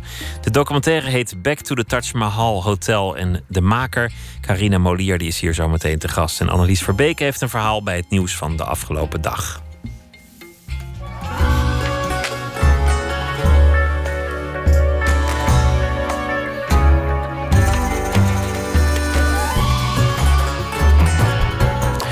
Martin van Koolhoven won niet alleen uh, een gouden kalf voor Brimstone op de European Film Awards. 9 december worden die uitgereikt in Berlijn. Krijgt Leonard van Nimwegen de prijs voor beste haar en voor beste make-up. Ook vanwege de film Brimstone. Ik heb hem uh, nu aan de telefoon. Goeienacht. Goeienacht. Gefeliciteerd Met, uh, met deze bijzondere prijs. Dankjewel. Dankjewel. Ja, beste haar en make-up, dat is natuurlijk een groot compliment. Was het voor jou ook, ook bijzonder? Was het voor jou ook een bijzondere film? Ja, het was zeker een bijzondere film. Uh, maar ja, nou zijn natuurlijk heel veel projecten bijzonder. Maar uh, nee, het was zeker uh, een bijzonder project. ook qua tijdsbeeld. En om met Martin te mogen werken. En nee, ik vond het een bijzondere film, ja. Het was, het was natuurlijk een kostuumfilm. Dat is altijd leuk voor, voor wie haar en make-up doet. Maar er zat natuurlijk ook een soort horrorachtig element in. Een, een, paar scènes waarin de gruwel benadrukt moest worden. Wat, vond, wat vond je moeilijk aan deze film? Moeilijk vond ik, vond, vond ik het als die actrices zo jong zijn... en daar bepaalde gruwelscènes mee gedaan moeten worden... dat vond ik heel moeilijk. Als ze nou ja, nog acht, negen jaar zijn. Um, ik vond het heel dapper um, als ze iets ouder worden. Maar ik vind het moeilijk om bloed en effecten aan te brengen op een heel jong meisje. Dat vond ik lastig. Dat is ingewikkelder dan op een, op een wat uh, gerijpter persoon. Ja, dat kan je wel voorstellen, toch? Dat is, niet, zo, dat is niet zo heel fijn. Maar het is natuurlijk een film, hè? Dus uh, dat bedoel, uh, het is niet. Zij, zij, weten het, de ouders weten het, dus. maar het blijft lastig, vind ik. Vertel eens over de samenwerking met uh, uh, Martin van Koolhoven en ook met, uh, met, met, de cameraman. Maar dat is natuurlijk heel belangrijk hoe het, hoe het er uiteindelijk uitziet. Ook voor jou, om dat, om dat precies te kunnen bepalen. Ja, ik heb natuurlijk van tevoren heel vaak gesproken met Martin natuurlijk over zijn beeld. Wat hij wilde, hè, of wat, wat voor beeld hij wilde. Maar eenmaal op de set was het ontzettend fijn om met die cameraman te werken. Die, hij woont nu in Texas, Rogier, een Nederlander. En hij bepaalt eigenlijk gelijk op de set is hij aan het kleur corrigeren. En voor mij is dat natuurlijk heel fijn dat je per close-up je kleur kan bepalen, hoe het eruit ziet. En vaak gebeurt dat natuurlijk pas veel later in de nabewerking, waar ik dan niet meer bij ben. En hier kan je dus per hoofdstuk ik echt de kleuren bepalen. Um, om de sfeer weer te geven wat je wil, wat je wil vertellen. Dus dat was heel bijzonder om met Rogier samen te werken op die manier. En het heeft gewerkt, vandaar ook uh, deze prijs. Wat betekent dit al met al voor jou? Want, want je zit al decennia in het vak. ho, ho, ho. Ho, ho. Nou, best lang, toch? Jazeker. Ik doe dat, ja. Ik ben uh, 57. En ik doe het sinds dat ik 20 ben. Uh, nou, 35 jaar. ja, zeker, ja. Uh, nou ja, zo'n prijs vind ik heel fijn. Ik vind het een ontzettende eer. En ik vind het zo fijn dat het ook gezien wordt. Ehm, dat uh, waar je hopelijk zo goed in bent, uh, dat dat ook gewaardeerd wordt. Ja, vind ik super, uh, super vereerd daarmee. En zeker als het op een Europees niveau is. Dat kan ik me, kan ik me voorstellen. Veel plezier ook bij de ceremonie 9 december in, uh, in Berlijn. En uh, succes met, uh, met al het andere werk. Leonard van Nimwegen, dankjewel. Okay, Goeienacht. Dankjewel. Dag. Leonard van Nimwegen die de prijs krijgt voor beste haar en make-up in Martin Koolhovens film Brimstone. 9 december is de uitreiking in Berlijn. De Britse kerstfanaten rekenen naar het moment waarop Warenhuis John Lewis de traditionele kerstadvertentie lanceert. Dan begint de voorpret en de muziek komt daarbij van Elbow. Een nummer dat eigenlijk van de Beatles afkomstig is: Golden Slumbers.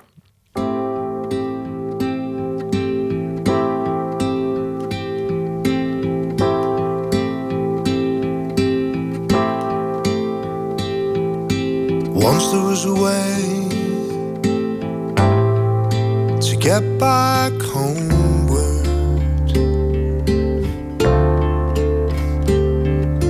Once there was a way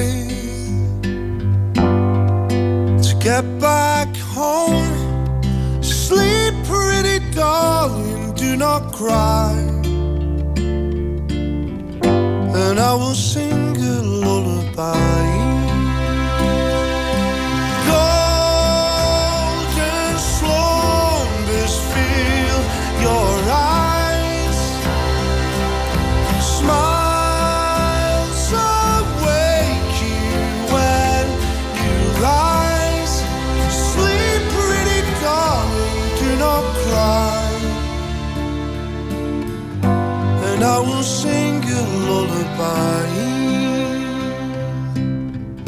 And I will sing a lullaby.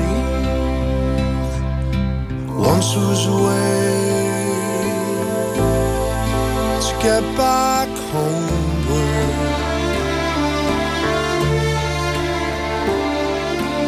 Once was a way to get back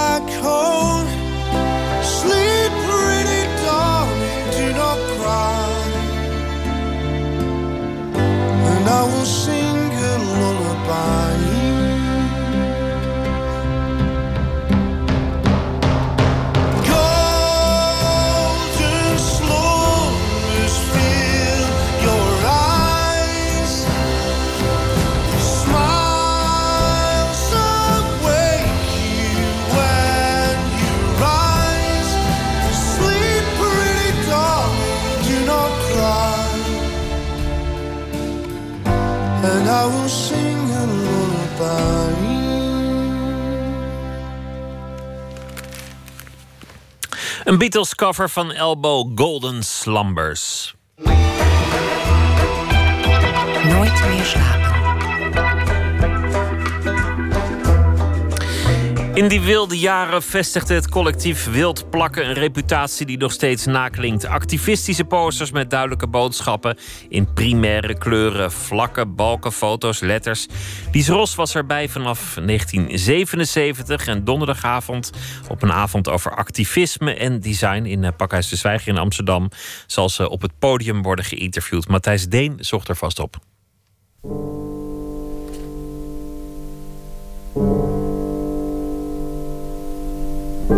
ik hoorde op een gegeven moment een lied van uh, Schubert. Dat draaide mijn vader. Uh, dat heette uh, Der Leiermann. Drüben hinterm Dorfe steht ein Leiermann.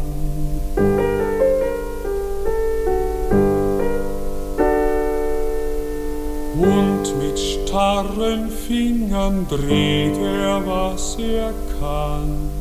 En dus, daar zie je hem op het ijs staan. Barfuß auf dem Eise wankt er hin und her. Met blote voeten op het ijs. En dan draait hij aan zijn draailier. En dan zingt de zanger... Ein kleiner Teller bleibt ihm immer leer. Und sein kleiner Teller bleibt ihm immer leer. Dus niemand geeft hem wat. En sein kleiner Teller immer dat vond ik zo onrechtvaardig. En die paar zinnen, die eh, beschreven mijn hele gevoel over hoe het mis was in de maatschappij. Maar dat was een hele rare sensatie dat het van zo lang geleden kwam. wunderlicher Alter. Soll ich mit dir gehen? Maar je vader was een middenstander. Je vader had een meubelzaak. Die had, dat was toch verre van communist. Nee, die stemde VVD.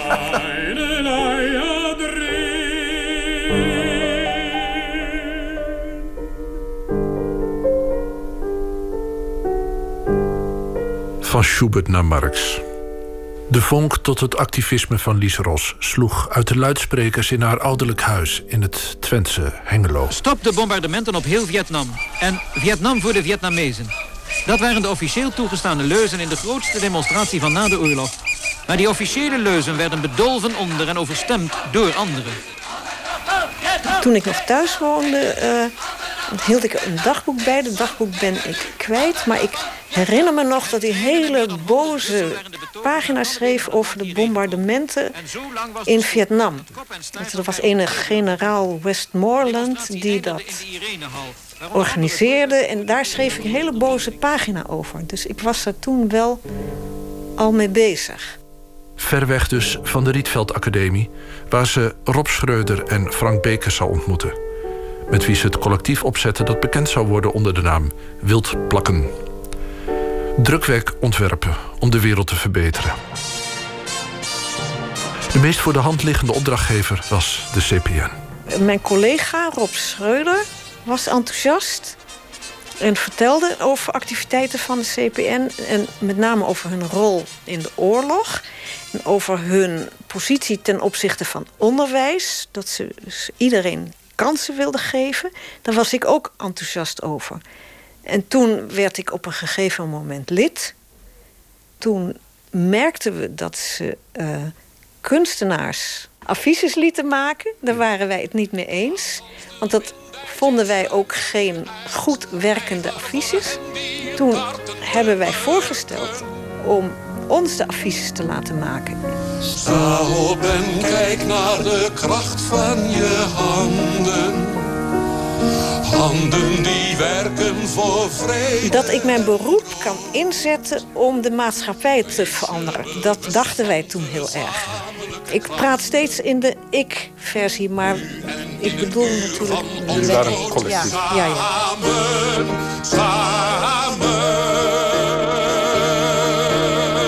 Posters uit het land van Rietveld. Wij gebruikten nooit groen en nooit oranje, behalve in dat Duidelijke vlakken, primaire kleuren. Nou, het was naar ons idee een heldere boodschap. Wat past bij een affiche, wat je snel tot je moet nemen. En het waren heldere kleuren. Het waren ook contrasten. Eh, dat paste allemaal bij elkaar. Dus het was niet iets kunstzinnigs met eh, donkere en genuanceerde kleuren. De boodschap was eenduidig. De kleuren moesten ook eenduidig. Er waren er was geen sprake van compromissen. Nee, en geen nuances. Het moet ook kunnen inspelen op de actualiteit. Het moet iets noodzakelijks hebben. Iets van, het moet nu gebeuren. Dus snelheid moet het eigenlijk ook uitdrukken. Ja, dat klopt.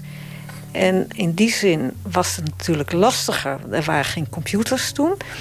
Dus uh, we hadden vaak affiches die in een avond in elkaar geplakt moesten worden met schaar en lijm of mes en lijm. En eindeloze teksten die we of uh, uit moesten knippen van afzonderlijke letters of af moesten wrijven van die verschrikkelijke mechanorma-vellen, afwrijfletters. En dat kon je alleen maar doen als je heel precies was. En dat waren we natuurlijk niet. Dus het zag er allemaal nogal schots en scheef uit. De galerie was de straat. Ja, dat klopt. En de beoordelaars waren de mensen voor wie je werkte. En je was het in principe met de mensen voor wie je werkte eens. Anders werkte je niet voor ze. Strijd om de toekomst. Dat is ook de beweging in de bedrijven. Waar velen zich massaal keren tegen de aanval van de ondernemers op de werkgelegenheid. Maar als je in een galerie exposeert, dan komt er een serieuze criticus... en die gaat het, uh, gaat het beoordelen op artistieke kenmerken. Maar dat gebeurt natuurlijk niet. Nee. Bij, bij, het werk wat jij maakt, of wat jullie maakten. Nee. Dat ging altijd over de inhoud. Ja. Vond je dat niet jammer? Oh, daar dachten we helemaal niet over na. Nee. Nou... Um, je was toch een kunstenaar? Uh, nee, oh. expliciet niet. Wij waren geen kunstenaars. Wij waren ontwerpers. Ah. Een kunstenaar was heel iets anders. Wat was er verkeerd aan een kunstenaar? Een kunstenaar heeft...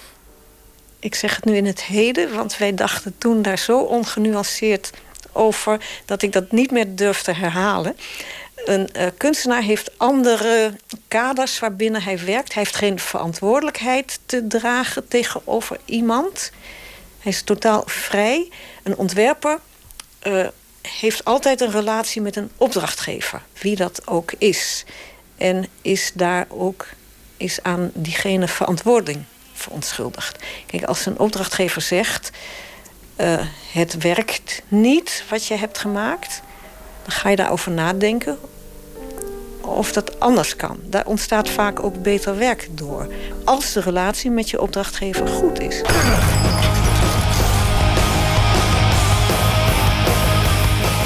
En op een zeker moment komt de tijd van de punk. En die heeft me bevrijd.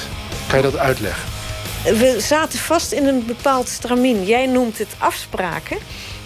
We hadden natuurlijk helemaal geen afspraken. Er werd niet over gepraat. Maar wij uh, gebruikten steeds maar dezelfde stijlmiddelen. En op een gegeven moment zie je ook wel in dat je uh, moet vernieuwen. Dus onbewust, denk ik. En toen zag je opeens andere ontwerpers, jonge mensen... het waren niet eens ontwerpers... al die blaadjes die je bij Atheneum kocht... Koekrand of uh, allemaal nog veel idiotere blaadjes... die hadden een totaal andere vormgeving die wij niet kenden. Heel erg los en volkomen van de pot gerukt. En toen dachten wij, ja, zoiets zou ook kunnen. Dus, dus wat... Um, uh, je was in feite vrij herkenbaar in je stijl. Ja. Je kan zeggen, nou ja, dat kwam van wildplakken. Dat is, dat is van dat collectief, dat is volslagen duidelijk. En op een gegeven moment werd dat een, een soort stramien. En Ja. dat begon je te voelen. En de punk die heeft alles gewoon aan barrels geslagen. In feite wel.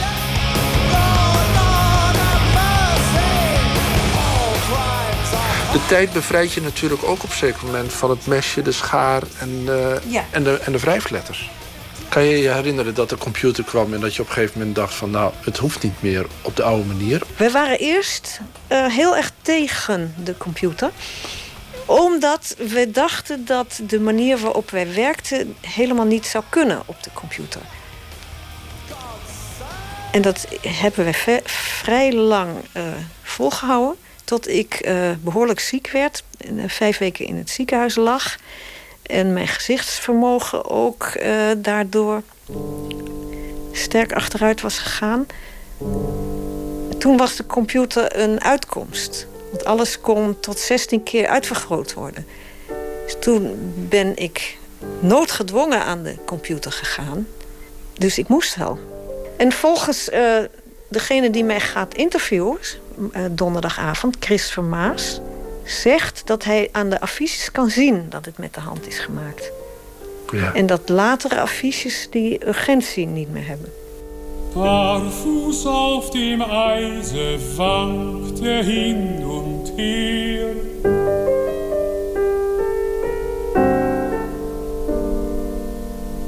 Und sein kleiner Teller bleibt ihm immer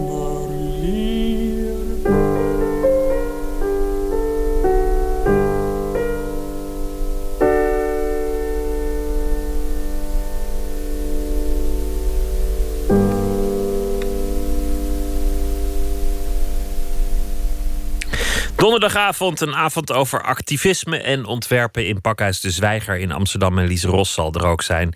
Met nog heel veel eh, andere jonge ontwerpers. En dit was een bijdrage van Matthijs Deen.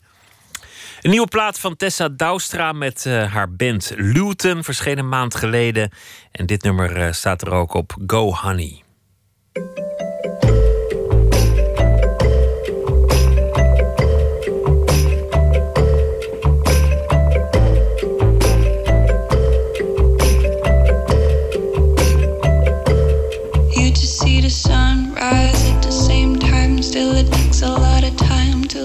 The same sight. No one tells you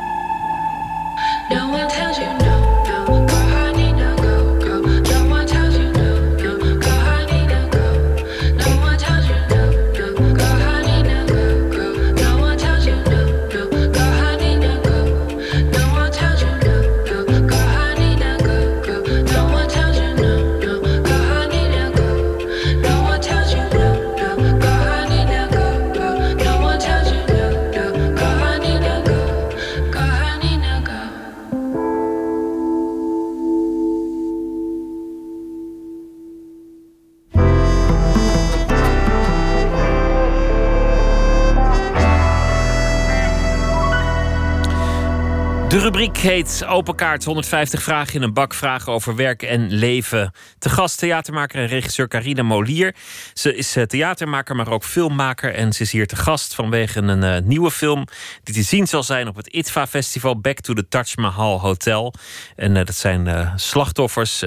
overlevenden van de aanslag op het grote hotel in Mumbai in 2008. Ze gaan terug naar die plek waar hun leven veranderde.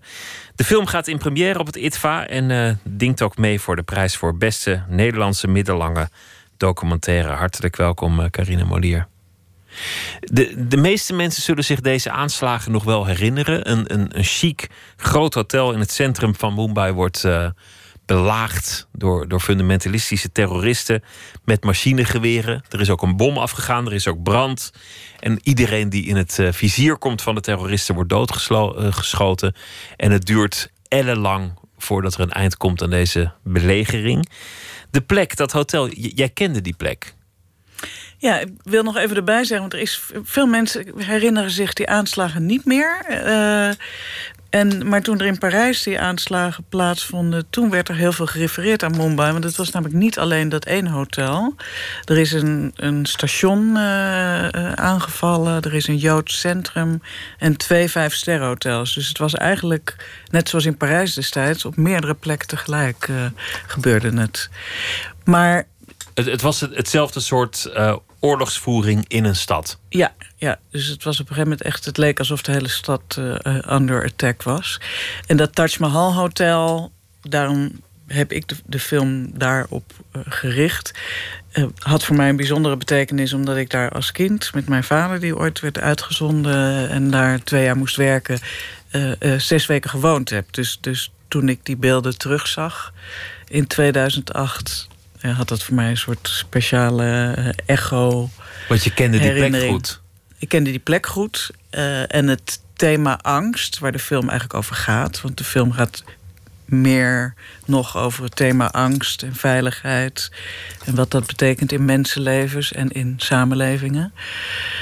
Uh, dan alleen maar over een aanslag. Uh, dat thema angst was, was voor mij ook belangrijk... omdat mijn moeder, die werd met mijn vader meegenomen naar India destijds...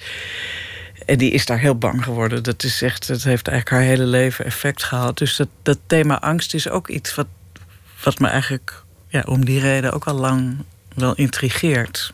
Weet je waarom je moeder daar zo bang is geworden? Nou, ik heb daar...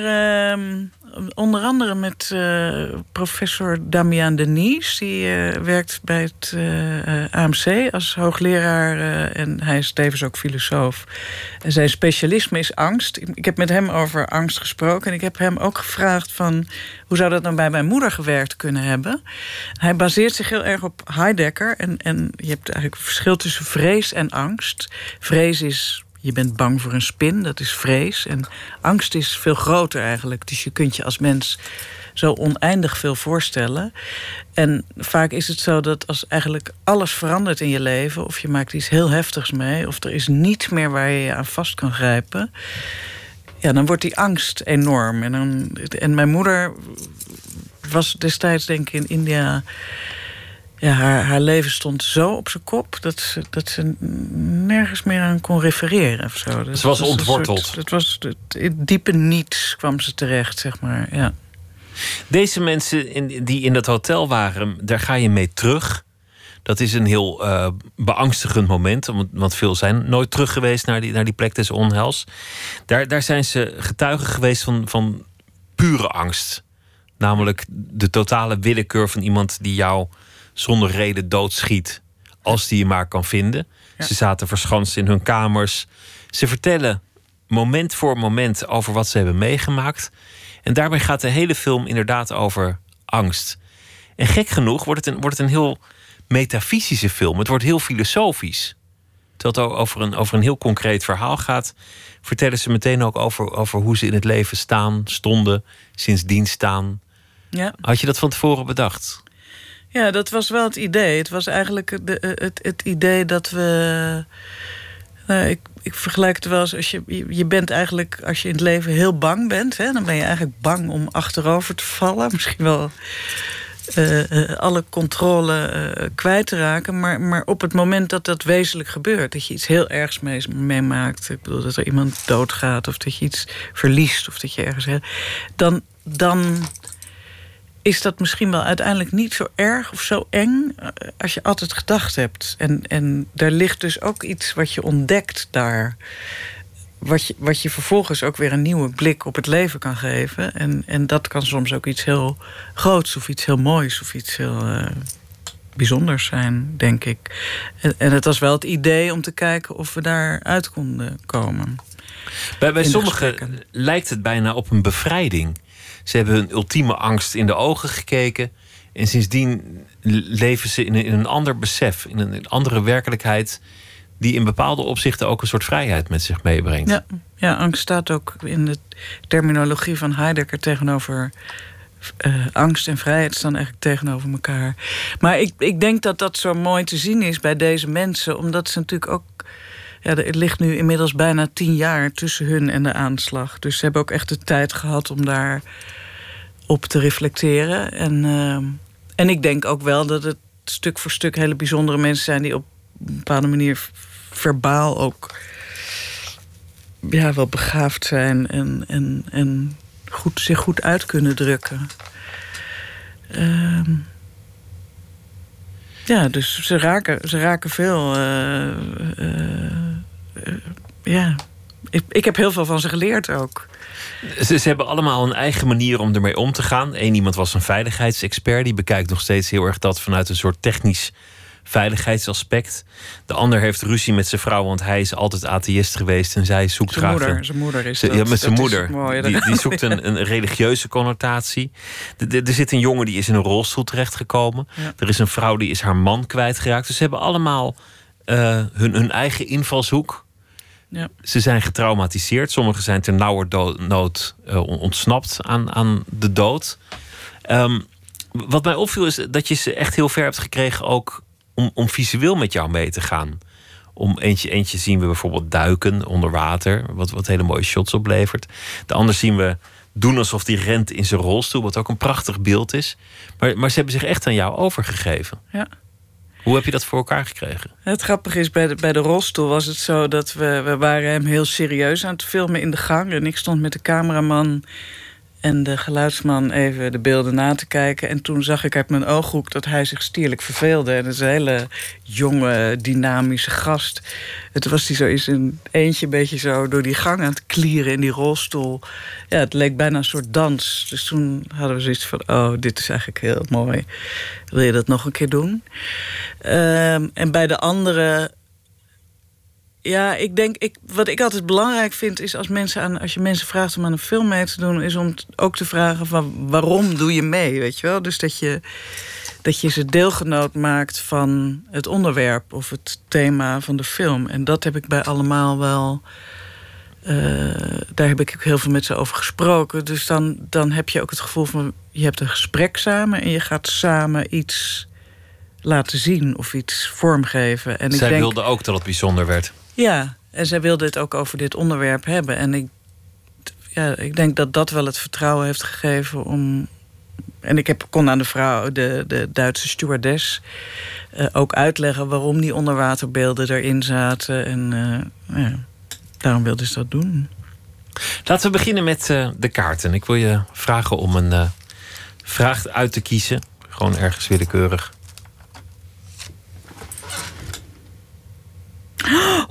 Oh, Is het een indiscrete? Nou, er staat: vind je dat je genoeg verdient? Oh ja, nou ja. Uh, nou, dat vind ik nou wel een thema wat in de filmwereld nog, uh, nog eens onder de aandacht zou moeten komen. Want als ik kijk wat ik met deze film verdiend heb, dat is echt heel, heel, heel erg weinig. Dus je bent toch jaren eigenlijk, ik in dit geval, met zo'n film bezig. En ja, dan staan er een zeer beperkt aantal draaidagen voor. En uh, als ik in de filmwereld kijk, dan zie ik dat bijvoorbeeld cameramensen en geluidsmensen... die doen heel veel films per jaar en die hebben goede dagprijzen. En dat is voor regisseurs in de filmwereld toch echt een stuk minder goed geregeld. Als je echt zelf iets maakt, dan gaat je inkomen ook meteen uh, Ja, je bent dan toch vaak, vaak sluitpost, ja. ja. Dus hoe gedrevener je bent... Hoe minder je verdient. hoe minder nou, je verdient. Volgens, volgens mij is dat bijna wel een economische wet aan het worden. Maar, uh... maar goed, ik heb ook niet heel veel nodig. Maar of ik nou... Ik, ik vind niet dat ik genoeg verdien. Nee. Laten we nog zo'n uh, vraag doen. Even kijken. Wat moet iemand van je weten om je echt te kennen? Oef. Ehm, tja, als, als ik terugrefereer aan het thema van de film, dat gaat over angst. Eh, dan denk ik, als iemand mij echt moet kennen, dan, dan moet hij denk ik ook snappen dat ik eh, eh, misschien kwetsbaarder, onzekerder ben dan ik me soms voordoe, of dat ik soms zou moeten zijn. Uh, en, en, en, en daar de, de, de adem voor geven, zeg maar. Dus. Je kwetsbaarheid onderkennen. Ja, om, om, ja, dat denk ik dat dat het antwoord is. We gaan nog zo'n vraag uh, uitkiezen. Kijken. Wat voelt lekker? Een, uh, een warm bad, uh, ontspanning, yoga. En hoe bezweer je je angsten als het gaat over, over een lekker gevoel? Als je bang bent, wat, wat, wat doe je dan om, om jezelf weer kalm te krijgen? Nou ja, ik denk dat uiteindelijk angst heeft te maken met wat we ons allemaal voor kunnen stellen in ons hoofd. Daar heeft veel angst mee te maken. Dus ik denk dat als je goed naar je geest kijkt. Dus voor mij is bijvoorbeeld yoga of meditatie helpt, helpt om de angst te ontzenuwen. Omdat op het moment dat je gewoon rustig de tijd neemt voor je lichaam en je ademhaling, dan is er eigenlijk niks om bang voor te zijn. Ehm ja, het is ook heel fysiek. Dat is natuurlijk ook waar. Angst is ook, ook een lichamelijke reactie die je. Het is heel fysiek en het gebeurt krijgen. in het hoofd. Want het is, wij kunnen ons van alles voorstellen wat er mis zou kunnen gaan. Maar dat is een enorm groot stuk uh, verbeelding. Weet je wat ik ook zo interessant vind? Dat, dat sommige mensen in, in extreme stress precies het goede gaan doen. Die, die, worden, die worden zeer intelligent. En andere mensen die gaan uit paniek plannen maken die, die ineffectief zijn. Een, een van de geïnterviewden die sluit zich op in de douche met een vork.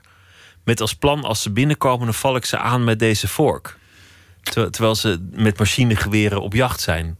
Ja. Dat, dat, is, dat kan angst ook doen. Dat het, dat het gewoon je, je verstand eerder dempt dan, dan uh, helpt.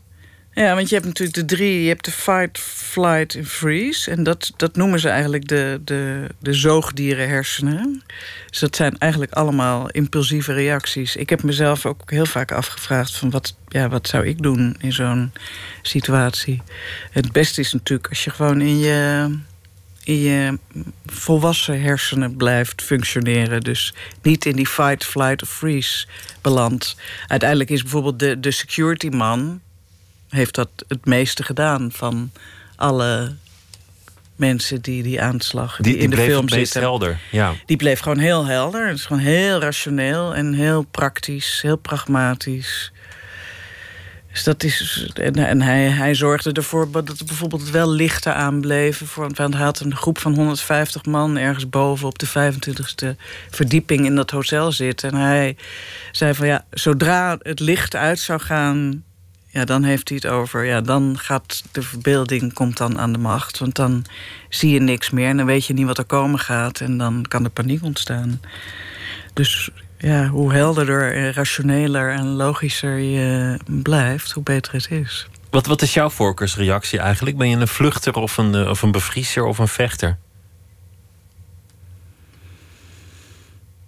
Uh, ik, ik weet niet wat ik zou doen. In, in zo'n situatie, hè? Ja, dat heb je niet meegemaakt, maar in het Nee. algemeen, in, in angstige situaties. Ik, ik ken het bevriezen.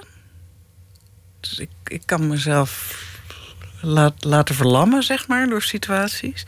Uiteindelijk weet ik ook wel dat ik kan vechten. Ehm, en het liefst zit ik niet in dat zoogdierengebied, maar blijf ik helder en rationeel in de Ja. volwassen geest. Is ontkennen Opereren. eigenlijk ook, ook een formele reactie? Dat je dan hebt vluchten, vriezen, vechten, ontkennen. Ja, dat ontkennen hoort denk ik een beetje bij bevriezen. Oh ja, gewoon eh, Ja. positief denken. Het is niet aan de hand, het is niet aan de hand, het is niet aan de hand. Ja. We gaan nog één vraag doen, om, om het Ja. eh, netjes af te ronden.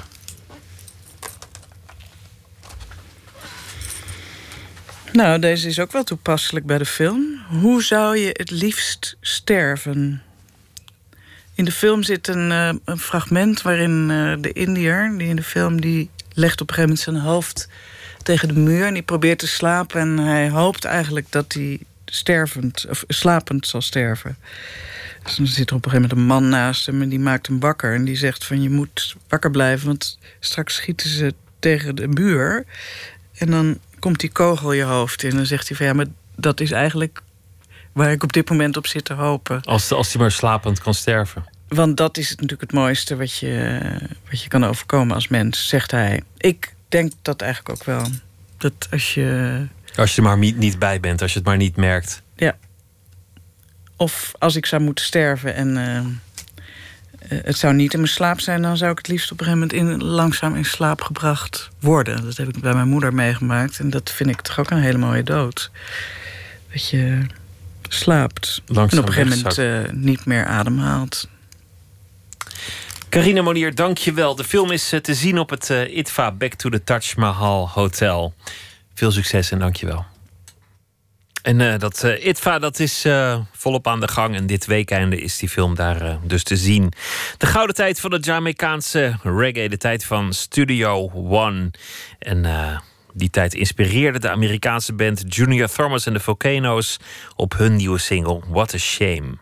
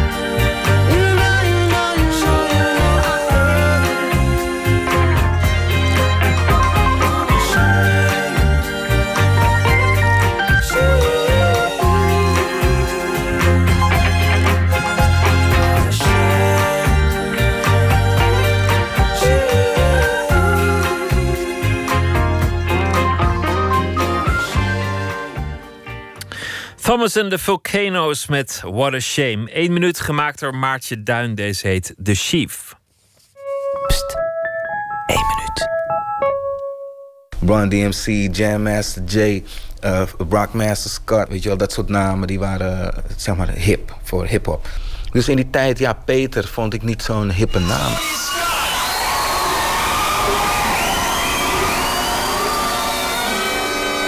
Mijn manager zei ook van. Uh, Peter is niet interessant voor, uh, voor de verkoop. Je moet Tony zeggen. Tony Scott, je bent Tony. Op een gegeven moment bestaat Peter niet meer. Nu ben ik in een uh, fase van mijn leven dat ik Peter eigenlijk heb toegeëigend. Kinderen die dan altijd zo van... Hé hey meester, of, of, of dag Peter. Of, uh, dan hoor ik, zo, hoor ik ze mijn naam uitspreken. Van de gouden plaat aan de muur... naar als het klaslokaal de vloer vuil is... dan is het ook mooi om hier lekker te stofzuigen en het schoon te maken. Ik, ja, ik ben Peter. ja.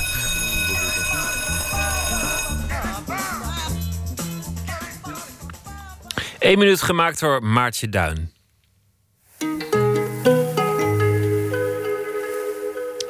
Annelies Verbeke is schrijver en deze week zal ze elke nacht een verhaal schrijven voor ons en voordragen. Annelies, goeienacht. Goeienacht, hallo. Gisteren kondigde je aan dat je, dat je misschien wel een soort serie zou maken deze week. Van de bevindingen die je hebt opgedaan uh, tijdens jouw verblijf in de Verenigde Staten. Ja. Is dat nog steeds het plan? Ja, ja, ik ga uh, vijf nachten lang stukjes voorlezen die ik heb gemaakt naar aanleiding van uh, een reis naar North Carolina met twee acteurs van uh, Wonderbaum, theatergezelschap. en we waren daar ja, bij wijze van een soort van research voor een stuk dat we samen maken. Ga je gang. Onder een wolkeloze hemel rijden we naar een bluegrass festival. Langs vrijstaande houten huizen met dure trucks ervoor en overal een bordje met Thank you Jesus. Iedereen op het festivalterrein zit in een opvouwbare picknickstoel. Iedereen is wit. Op het podium staan jonge twintigers, een broer en drie zussen. Ze bedanken hun ouders en zingen een lied met de titel Grandpa Tell Me About the Good Old Days. Nostalgie hangt als een mist over de zuidelijke staten. Nostalgie is in North Carolina even levend als het christendom. Het is een verbond met een verloren paradijs zonder gebroken families en beloften. Een droom voor sommigen, waarin elk zijn plaats kende onder God en de good old boys. We praten met Paul, 61 en pastoor in een fundamentalistische Methodist Church. Een good old boy die voor Trump stemde. Hij praat luid, zelfzeker en hartelijk. Eerst betreurt hij de verdeeldheid in de VS, het focussen op negatieve extremen, terwijl de liefde en de dingen die ons verbinden zo weinig aandacht krijgen. Als we naar de schuldigen vragen, komt er een venijnig aapje uit zijn geruite mouw. Black Lives Matter, zwarte atleten die knielen tijdens het volkslied omdat ze boos zijn op de president, Afro-Amerikanen die beweren dat er meer zwarte worden neergeschoten door de politie, allemaal lulkoek volgens Paul opgeblazen door de media, omdat de media in een bepaald politiek kamp zitten. Er is geen probleem met racisme, want zwart en blank laten elkaar met rust in de mouw waar Paul winkelt. En president Trump dan? Is de nadruk op liefde bij hem niet ver te zoeken? Paul knikt begrijpend. Ik snap waarom je het zo ziet. Hij is behoorlijk onbeleefd en brutaal. Weet je, eigenlijk houdt ook hier niemand van Trump als persoon. Wat we aan hem appreciëren is dat hij ons totaal niet aan een politicus doet denken. We willen graag weten hoe het gesteld is met Pauls hoop voor de toekomst. Ik heb geen hoop voor de toekomst. Hij lacht hard. Ernstig voegt hij eraan toe dat de apocalyps eraan zit te komen. Maar ook tijdens de apocalyps zal hij zich met alle vertrouwen overgeven aan de liefde van God. De man die bij het begin van ons gesprek het focussen op extreme het grootste probleem van hedendaags Amerika noemde, heeft er op de valreep de apocalyps bij betrokken. Wel is hij enorm blij dat hij eens met Europeanen heeft kunnen praten. Het tweede verhaal vanuit eh, North Carolina in de Verenigde Staten. Annelies Verbeek, dank je wel. En een uh, goede nacht. Tot morgen. Ja, tot morgen. Daar. Thank you.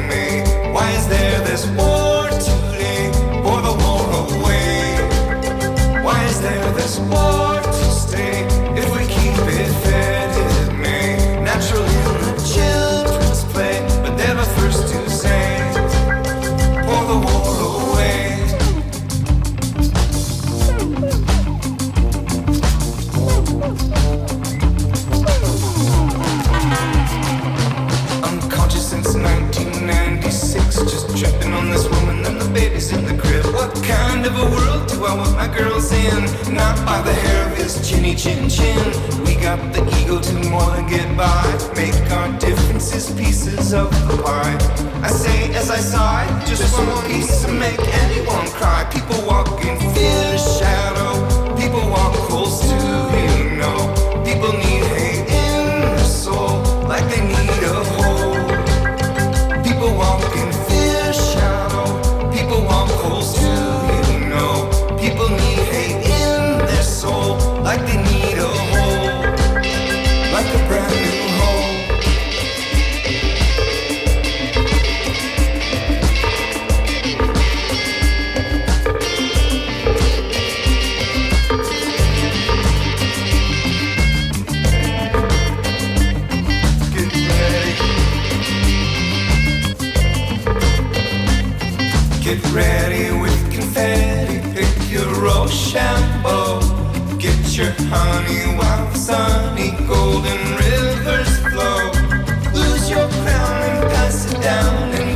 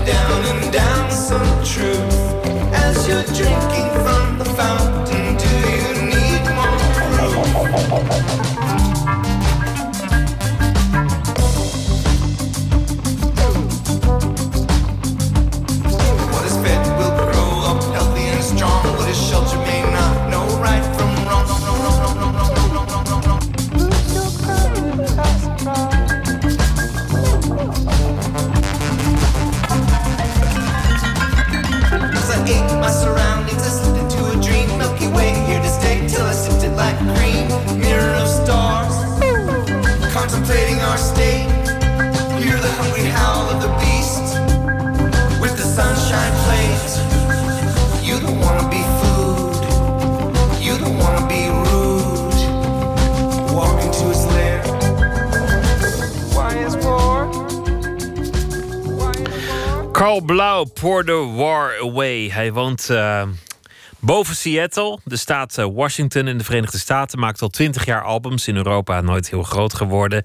Sinds een paar jaar verschijnt zijn werk ook eh, hier in Europa. En dit nieuwe album ook, Outer Space. Dit was een anti-oorlogszong al nog geschreven in de tijd van George W. Bush. Pour the War Away. Poëzie van eh, Carmine Michels. Eh, gisteren verscheen haar eh, nieuwe bundel getiteld We komen van ver. Eerder dit jaar spraken we haar tijdens de Nacht van de Poëzie. Was dat het gedicht dat zij hier voordroeg en toelichtte heette Ik ben wakker in Montreal.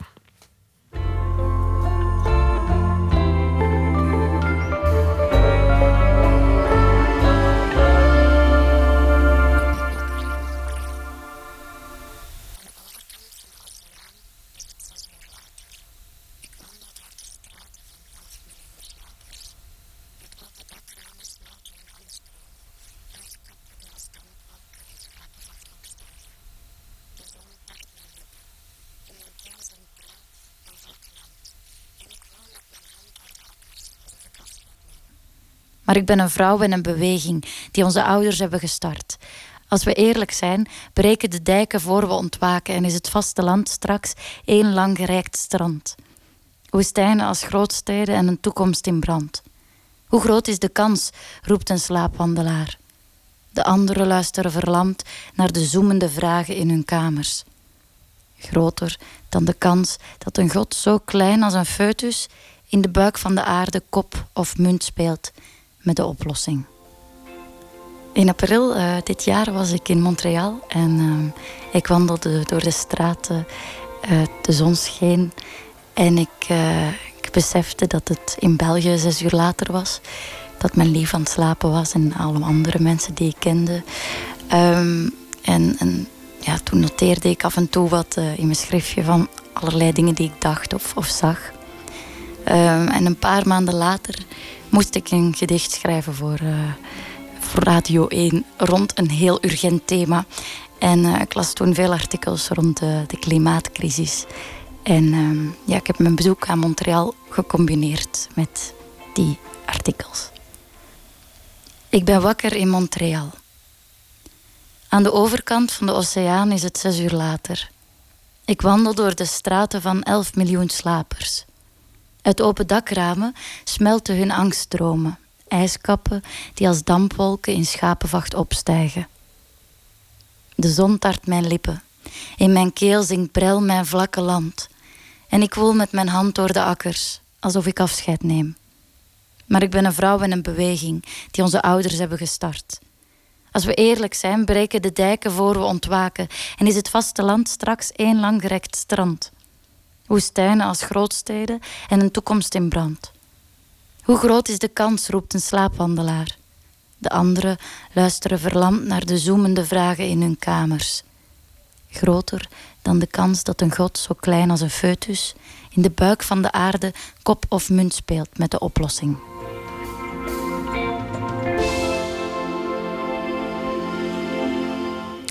Carmine Michels eh, droeg voor uit de bundel We komen van ver. Morgen in Nooit meer slapen komt regisseur Morgan Knibbel op bezoek. Zijn eerste documentaire, Those Who Feel the Fire Burning... ging over eh, illegale vluchtelingen in Griekenland. Hij kreeg er twee gouden kalveren voor.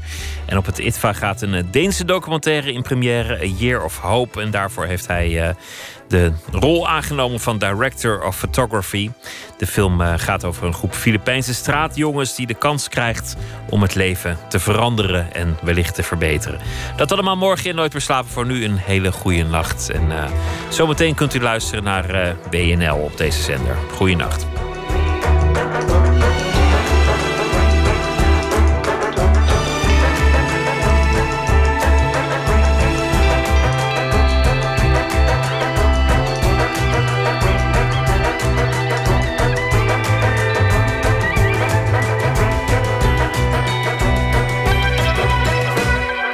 Radio 1, het nieuws van alle kanten.